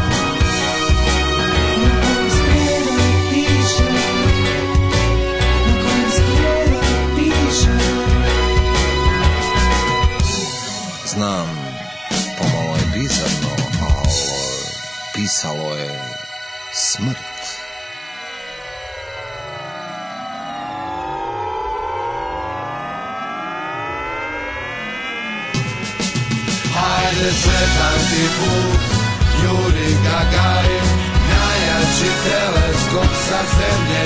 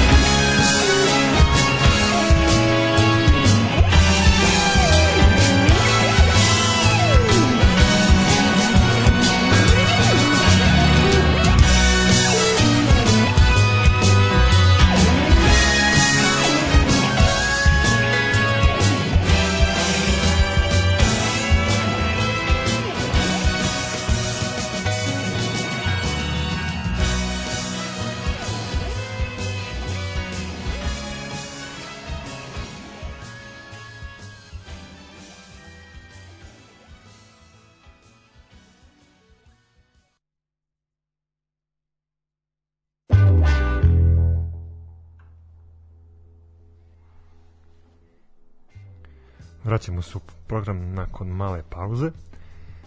E sad, a, ti si iskopao jednu jako interesantnu vest Pa budi ljubazan i podeli sa našim slušalcima. Da, opet e, taj čuveni CIS nam se vraća, Međunarodni centar za sportske studije, a, napravio je analizu najboljih driblera širom sveta, a u istraživanju prilikom koja su obrađena 33 uh, državna šampionata svoje mesto su našli i predstavnici Srbije. Uh, respektabilna organizacija stacionirana u Švajcarskoj na osnovu instat uh, podataka sastavio je listu najuspešnijih driblera sveta. Primarni kriterijum u poredku bio je broj uspešnih driblinga na 100 minuta igre, jel? Na čelu poredka našao se Adama Traore, ofanzivac Wolverhamptona sa indeksom 11,24 eto hitri i snažni španac u aktualnoj sezoni ima 78,9 uspešnih prosek uspešnih driblinga a u proseku se upusti u dribling na svakih 7 minuta. Znači to je poprilično poprilično zanimljivo. E sad iza Traora tu je Nailo Luhan čovek koji igra za Univerzitat de Chile koji je, eto, red veličina, njegova uspešnost je 66,2%, znači eto za 10 manje skoro od uh, Traorea. E sad ide Erik de Aruda iz brazilske Seare, zatim Manor Solomon i Šaktor iz Donjecka, pa Munir Šujar iz Malatije, svima nama poznate, protivnik Partizana u kvalifikacijama od pre sezonu, zatim uh, Kvaračkela iz Rubina, zatim David Fofana, futbaler Moldea i onda se nalazi prvi Srbin na ovoj listi, a to je Igor Ivanović, a, vezni futbol, futbaler koji sa Šaktorom iz Holigorska nedavno odbranio pr prvenstvo, osvojeno prvenstvo Belorusije, ostvario indeks od 7,62 uz 56,6 uspešnih driblinga, što na najbolji uh, način oslika njegov udao uh, u, u igri jel, beloruskog šampiona koji je tamo zaista dominantan dominantan tim. Uh, a u drugoj delu, drugom delu tog uh, poredka uh, našao se Aleksa Janković. On je zapravo najuspešniji igrač iz Superlige. Uh, on trenutno igra za Čukarički, ovo leto je pojačao Čukarički. On ima uspešnost od 50,8%. Uh, svakih 9 minuta se upušta u dribling, a znamo da trenutno ima 21 godinu. Uh, prvi superligaš koji je ispod Jankovića je Aleksandar Kataji, ispod njega ide Miloš Pantović iz Voždovca, pa Mirko Ivanić iz Crvene zvezde, Đuro Zec, Tozin omiljeni, vas, na primjer Đuro Zec ima 63,4 posto uspešnosti, ali se svakih 17 minuta upušta u dribling, što je dosta manje od Jankovića, zato je, se nalazi tako ispod. Vasilije Janić iz Surdulice, na primjer, Jovan Vlalukin, to je vidiš jedno zanimljiv podatak čovjek koji igra desnog beka. Stefan Tomović iz Proletera. Miljan Vukadinović iz Vojvodine i Veljko Trifunović iz Radničkog iz Kragujevca koji je najlošije rangirani superligaš bar ove tabele što mi imamo pristupa 61% uspešnosti a, a 19 svakih 19,5 minuta se upušta upušta u dribling e sad kako sad ovo ovaj, kako sad ovo objasniti? Sad ovo je naša uglavna statistika koja kao bikini, ono pokriva pokriva najbitnije stvari, a zapravo otkriva suštinu. Meni je sad u glavi izjava našeg selektora Dragana Stojkovića koji kaže da burnim okom posmatra igrača u Superligi, ali eto u poslednjih par navrata naša reprezentacija nije imala igrače Superlige. Tako je. Pa me znaš kao sad ovo čudi i fascinira to da eto imamo igrače koji pokazuju neki futbolski kvalitet i onda se samo zapitam kao da li Dragan Stojković zna za, za ovo pa ja pretpostavljam da zna ovaj, ali na primjer imamo si izjavu uh, Đuričića trenera napretka koji je poprilično bio besan zašto Đorđe Jovanović Kruševački Đorđe Jovanović nije bio pozvan za utakmice mlade reprezentacije Doduše znamo da je tamo sad bilo cirkusa, da, otišao je... Živković je pa, da ostavku. Zvonko Živković Zvonko Živković, da, da, da. da, ostavku, zapravo smenjen je, pa je sad doveden, da, tako dalje i tako dalje, ali eto, na primjer, znači, čovek koji je, za, Đuričić je zaista jedan iskusan trener, uh, sa mnogo godina rada, uh, iza sebe, i znači, otvoreno poziva ljudi, dečko je, znači, radi za dobrobit reprezentacije i reprezentativnog fudbala, domaćeg fudbala uopšte. I to je negde poenta svega uh, svaka čast, Aleks Janković je fantastičan igrač, to mi, to mi znamo i o tome smo im pričali, će on biti odlično pojačanje za Čukarički, što i to i pokazuje. Uh, ovo Kataji i Ivanić nisu iznenađenje, oni su kreatori igre u Crvenoj zvezdi i ulaze jako puno u šanse, bez njih dvojice kao Pritom udarnik već imaju određeni respekt Naravno, kad je u pitanju i, i cela Superliga i kad je u pitanju između ostalog i međunarodni futbal. Đuro Zec kao motor igre Bačke Topole opet ne čudi što se našao tu uh, Mislim, Miloš- evo k- kad si ga spomenuo, mislim da je možda on sledeći koji će napustiti TSC. Definitivno, definitivno će Otskače, prerastao je da, sredinu, da, prerastao je sredinu, otkače od uh, kolektiva u, u Topoli. Svakako i veliki igrač uh, kada je u pitanju uh, TSC i čovek koji je motor ove ekipe, ali mislim da dolazi u godine kada već treba da da traži neku drugu sredinu. Da, što se tiče uh, Pantovića, čovjek je 2002. godište, znači 19 godina. Pred njim je zaista tek fascinantna karijera. Vasilije Janjić je 95. godište, znači isto 26 godina, ajde li možeš seći, još uvijek mladi igrač. Lalukin je 99. godište. Tomović iz Protera je 2001. godište, znači to su sve momci pred kojima je zaista tek, tek predstoji velika karijera. Veljko Trifunović kao pozemljen igrač Crvene zvezde u Radničkom iz Kragovica 98. godište. Znači, Vukadinović je 92. da kažeš on je senior za ove, ali i on je čovjek, mislim, ono, 30 godina. Nije, nije sad, nisu to neke strašne igračke godine. Doduše, ajde imao je pehove sa, sa povredama. E, samo ću reći da je Partizan izjednačio na kraju prve četvrtine, 17-17 je. E, e sad, hoćemo se malo preseliti u prvu ligu i ovaj haos što je bio između Bački i Timoka. Ba, možemo. To, to, to zavređuje pažnju.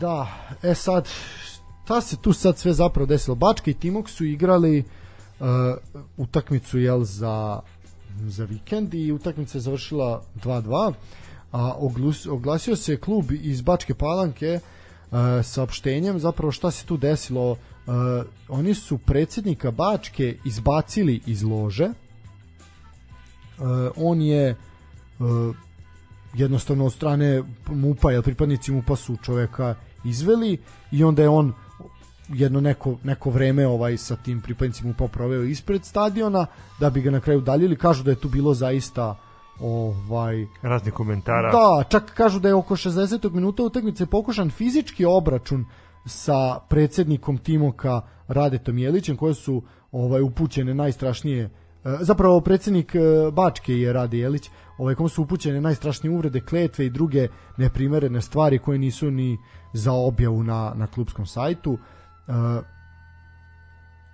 jednostavno čovek je izguran, izbačen sa stadiona nakon kao smo rekli pripadnici MUPA su se tu brzo brzo ovaj umešali.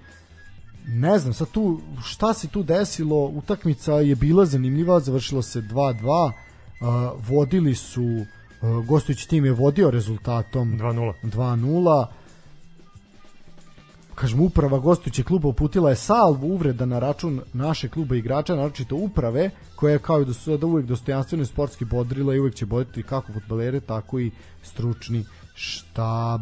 E sad, e, to je, iz, to je izjava Bačke, onda se nadovezao Timok koji je rekao jel, svoju verziju priče, trpeli smo salve, salve uvreda, to nije istina, onda Bačka kaže saopštenje Timoka pazi ovo sad, ovo je, ovo je vrhunac. Saopštenje Timoka lažno je kao lažna država Kosovo.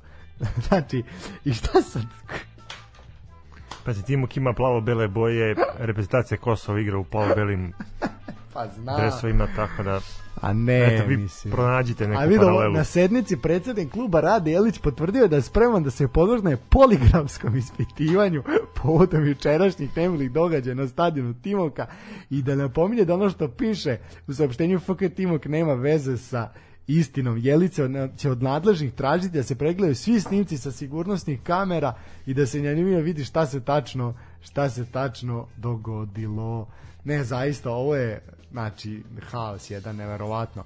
E, ali nigde ne piše šta je izazvalo Tu reakciju. Da, znači piše samo pri rezultatu 2-0, tom prilikom upravo gostujući klub uputila je salvu uvreda na račun naše kluba i igrača. Na, znači nije tačno nigde uh, prikazano šta je to ovaj izazvalo ovakvu reakciju, ali definitivno da se zapalilo sve, mislim. Naravno. Ne vidim, kažem, pri vođstvu uh, Bačke od 2-0, zašto bi ovi skočili tako ovaj i ono pokušali pokušali fizički da se obračunaju. Ma dajde taj tra, uh, Timok je ne znam, možda su ljudi samo ovaj ogorčeni, ne ne znam, eto. Ništa, na, Ne, da, na, ovo na, je- na meni je da da probam da Ovo imaš ispitam taj zadatak da ispitaš, da, ali Morat eto, bukti, bukti rat u prvoj ligi, ovaj, zapravo, ali vidi, e, za, možda se samo i zakuvalo zato što je poprilično neizvesno sve. I vidim da tu imaš jako puno ekipa koje pretenduju na play-off. Možda je samo to razlog. Ali opet ljudi, pa mislim, ono, zaista ne, ovo, ovo se ne radi ni u kukuruz ligama, mislim. Ali dobro, je, znaš kako ja volim tu sportsku tenziju. Samo da, dobro, samo da je u granicama normale. obračuna, Pa naravno, mislim, ovo sve, sve je baš, baš problem. E, evo sad ako kaže glavobolja za Dejana Stankovića, to je ono što je a, bitno da a, Sanogo će prepustiti a, utakmicu sa Miteldom, eto to je a, problem za Stankovića, vidjet ćemo ko će ga zameniti. A, to je što se tiče a, prve lige, ovih a, driblera, a, možemo a, preći na m, šta želiš, želiš rukomet ili basket kratko da prokomentarišemo pa da se javljujemo Pa znam, meni sve jedno. Možemo kratko samo na, na rukometnu ligu. Uh, tu je viđeno zaista nekoliko uh, fantastičnih fantastičnih duela u prošlom kolu. Uh, ajde idemo na grupu A. Ovaj uh, radnički je uh, savladao u Kragujevcu Jugović u jednom jako jako zanimljivom meču. Uh, Jugović je imao nekoliko teških utakmica ovaj iza sebe izgubili su od Dinama u Pančevu pa su dočekali Crvenu zvezdu u Kaću i to je jedna bila jako zanimljiva utakmica koja nažalost nisam prisustvovao ali Žika je tamo bio pa mi je preneo atmosferu Šta Uh, kaže kako je bilo? bila, bila je odlična utakmica, dva razlike je pobila Zvezda, onako tesno, poprično tesno na kraju. Zaista dobar, dobar otpor je pružio Jugović i kvalitet, upravo puna hala, puna hala u Kaću je nešto što je bilo i ove sezone je u skoro svakom meču puno hala u Kaću. Pa da, oni su se vratili, tako. Pa da. Uh, Metaloplastika je pobedila Obilić uh, u gostima sa 32-20. Crvena zvezda je u derbiju kola bila bolja od Vojvodine. Eto, i Vojvodini je neko skinuo skalp. 32-28. Uh, to je jedan zanimljiv, zanimljiv ovaj rezultat, s obzirom da je to eto, pobeda protiv Vojvodine posle ja ne znam koliko, koliko utakmica. Vojvodina je dalje tu prva sa dva boda prednosti odnosu na metaloplastiku i Dinamo. Radnički je četvrti, ali ima isto i nalazi se iz, iznad crte zbog eh, play-offa zato što ima a, bolji gol razliku odnosu na Zvezdu ali Zvezda sad ovom pobedom se tri vezane pobede oni su se sad onako uključili u tu borbu a, za za ovaj za play-off. E sad što se tiče uh, grupe B samo moment imam malih tehničkih poteškoća Vratno. e, super Grupa B inače po kvalitetu malo slabija u odnosu na tu Evo grupu A. nas. Da. Uh, evo ovako, najzanimljiviji meč kola je svakako viđen uh, u Zrenjaninu, gde je na proleteru na noge došao Partizan, koji je zaista imao maksimalan učinak do, do tog uh, kola i Partizan se tu a, zaista poprilično i namučio i čak je i dobar deo utakmice proveo u zaostatku da bi uh, dve sekunde pre kraja uh, zapravo u poslednjem napadu došao do izjednačenja. 29-29 je završilo. Ovaj, zaista onako bilo poprilično poprilično gusto. E, Partizan je prvi na toj grupi sa 13 bodova, 6 pobjede i 1 remi. E, Rudar je pobedio Mokru Goru sa 36-21. E, Dubočica je pobedila Šamot u gostima sa 26-21, a Spartak je bio bolji od železničara u Subotici sa čak 44-29.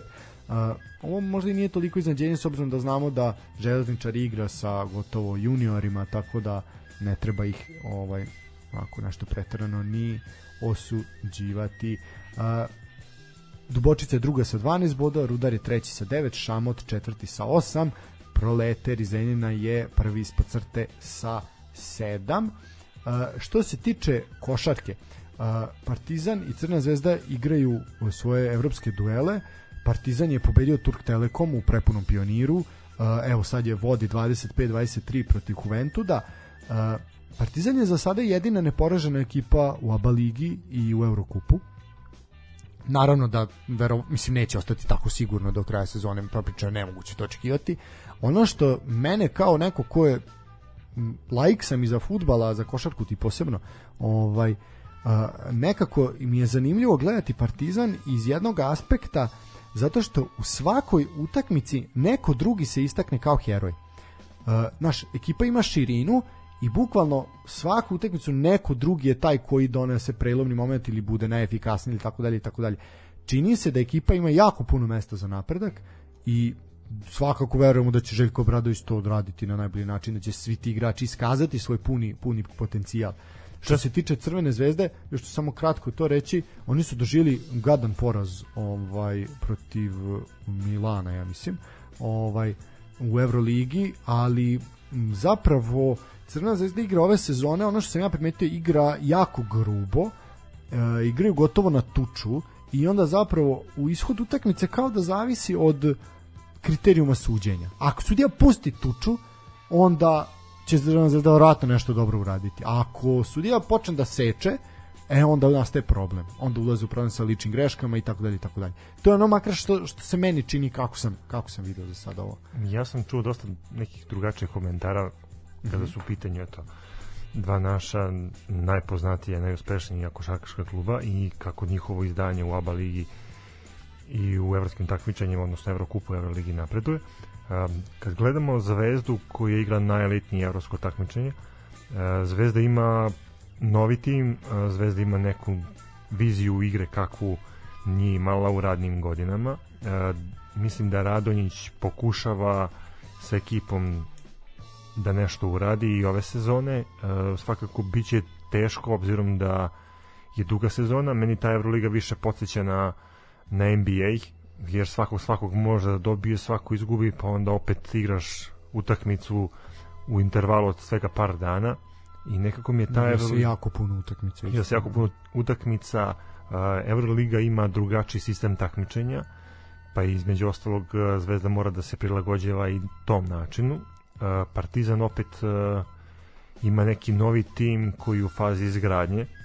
To što trenutno stoje bez poraza to je možda samo njihova stvar svakako će u nekom vremenskom periodu morati da, da dođe do, do pada forme. E, nekako mi se čini i mislim da je jako dobra stvar što eto imamo i Megu koja ove sezone dolazi iz neke senke Mm, slabo se priča o Megi ja bi istako i Borac iz Čačka koji je jako dobra ekipa. Imamo baš koncentrisan kvalitet bar kad je u pitanju ovih, ova naša četiri tima.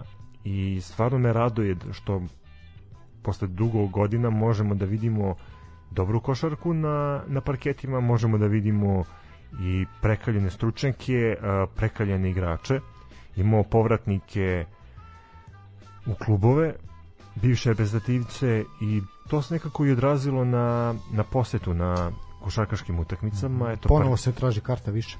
eto Partizan igra pred punom halom, Zvezda takođe. Mega je opet interesantna za, za gledanje onima koji prate mlade talente, ali stvarno mislim da, da je ova sezona pokazatelj da naša košarka klubska može da napreduje u nekim segmentima. Tako je, ono svakako i FNP je dobar ove sezone za sada, dobro krenuo u ABA ligi. Uh, ono što je meni nekako i najveće iznenađenje je studentski centar. To je jedna zanimljiva ekipa, razvojni tim. Da, razvojni tim u budućnosti. u budućnosti ljudi imaju 3-3 i nisu pokazali su zanimljivu košarku za sad. To je meni onako na primer meni lično zanimljivo. Uh, baš čak komentari nekih uh, opet moramo da istaknemo značaj povratka Željka Obradovića. Znači, koliko to zapravo znači i za sam kvalitet lige generalno i za interesovanje. Definitivno je poraslo i definitivno uh, bar ovo što se sada odigralo, Partizan odigrao šest utakmica u ABA ligi, uh, svaki trener protivničkog tima koji se susreo sa Partizanom je istaknuo značaj Željka Obradovića i uopšte kao naš bitno, ono kao jebote nikad nisam vodio ekipu protiv Željka Obradovića kao to, to je to, ostvario sam svoju želju i to je u Uleb Kup odnosno u, tako da, Ulad Kup, Da, Eurocup. je Eurocup, a, je napravio određenu sekvencu koja je posebno usmerena na, na Željko Bradovića i njihove prve epizode su baš bile vezane za to taj njegov povratak znači osoba koja može da vodi bilo koji evroligaški klub, osoba koja je čak u nekim momentima i bila povezana sa pojedinim NBA klubovima, dolazi u klub iz kog je ponikla i pokušava da taj klub vrati na stare stare slave. Bilo bi stvarno čudno da ne vidimo te rezultate Željko Bradovića kada je u pitanju naša domaća košarka. E, takođe bez jako partizana nema ni jake zvezde, zvezda je to shvatila poprilično ozbiljno i odradila je roster e, Ozbiljan. Tak, ozbiljan. Uložili su dosta, uh, vratili su Nikolu Kalenića, vratili su Luku Mitrovića, uh, Dejan Radunjić pokušava da, da napravi korak uh, dalje u odnosu na ranije sezone kada je vodio Crvenu zvezdu što u Evropi, što u oba ligi. Vidjet ćemo, ja pred, predviđam, bar kad je u pitanju regionalna košarka, dominaciju srpske košarke uh, i ove godine. Može se reći posle dugo vremena.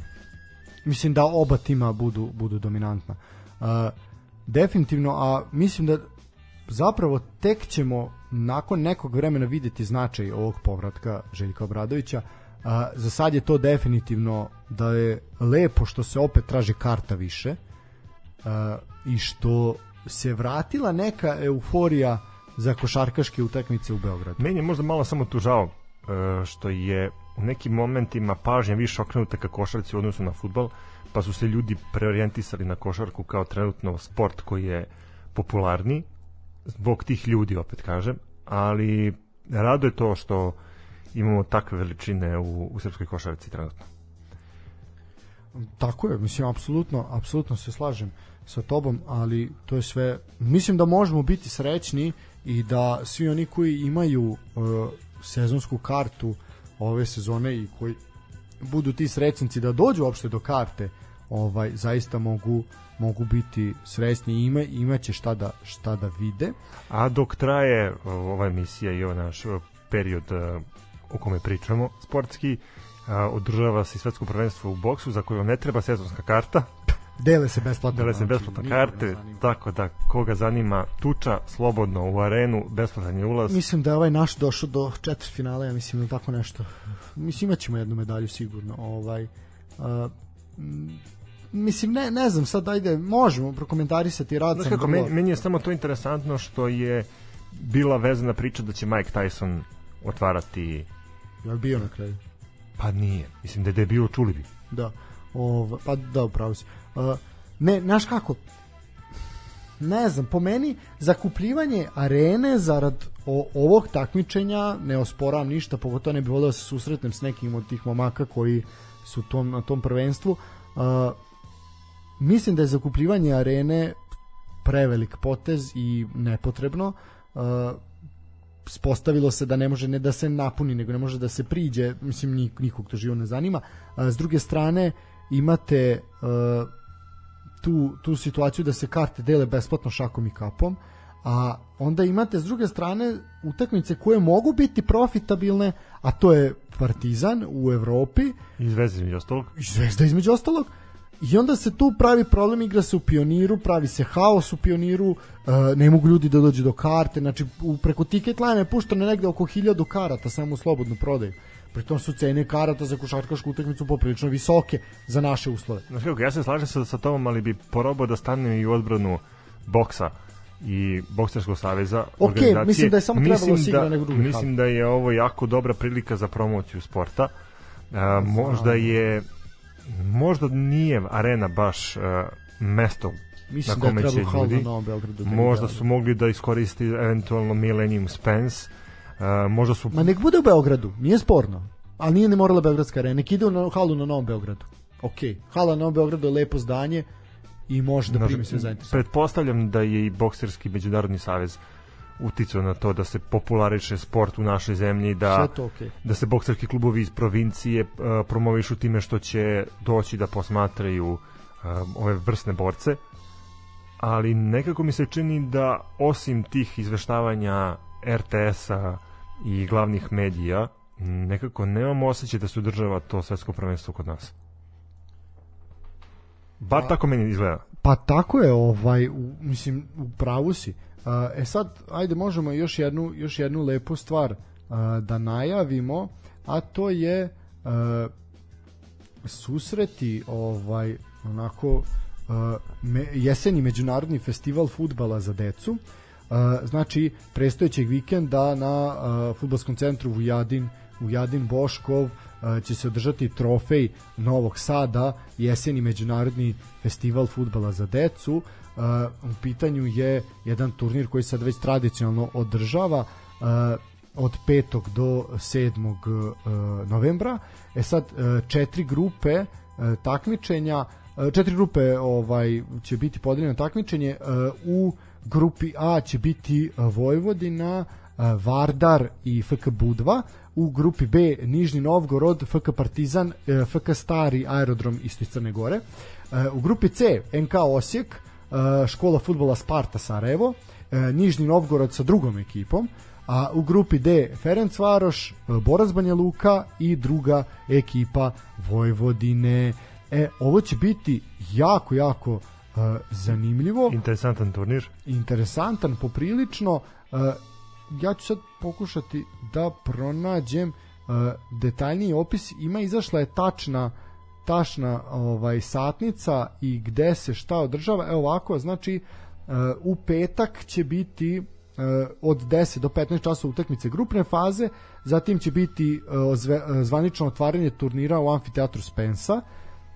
Znači to je to poprilično ovaj zanimljivo utakmice razigravanja u subotu od 10 do 14 i u nedelju od 9 do 12 i 15 utakmice završnice. Sve utakmice se igraju na fudbalskom centru Vujadin Boškov. E sad ovo je nešto što je jako zanimljivo i svako ko ima prilike zaista treba da ode da vidi ove klince kako će igrati. Pretpostavljam da će biti biti borbe i biće jedna lepa lepa sportska priredba. Nek samo vreme posluži u Novom Sadu da da bude lepo da ne bude neki padavina i poprilično zanimljivo. Za sada nemamo informaciju da li će neko prenositi prenositi ove turnire kao što se one prenosi na Zlatiboru jel? Ovaj tako da eto to je neka lepa vest sa kojim možemo s kojom možemo da odjavimo ovu emisiju. Uh, gledajte gledajte domaći fudbal ima šta da se vidi u narednom periodu. Uh, u suštini ima šta se vidi i na košarkaškim terenima i na rukometnim odbojka je poprilično zanimljiva a, lep intervju je dao Bojan Janić ovaj za dosta dnevnih novina tako da to malo pročitajte. Pritom i RTS prenosi tako je ono žensku što, i mušku odbojku. što ću reći samo da Juventud se ponovo odlepio na minuti po do kraja druge četvrtine na 35-29 A, ja mislim da sam ja dovoljno pričao Stefane, šta Dosta ti je, kažem, dosta dosta je brate. Ništa, ovim tvojim rečima završavamo uh, ovu emisiju, ali bi pre nego što završimo emisiju još, jednom, još jednom samo napomenuo da uh, smo ovu emisiju odradili tako da uh, smo darivali određene stvari, između ostalog voucher uh, klinike Elixir. Uh, mi ćemo s trećim dobitnicima poslati poruke u inbox i zahvaljujemo se na uh, učešću to bi bilo to za ovo večerašnje 53. izdanje. Uh, Hvala vam na pažnji, hvala vam na posvećenosti i do sledećeg slušanja. Sportski pozdrav!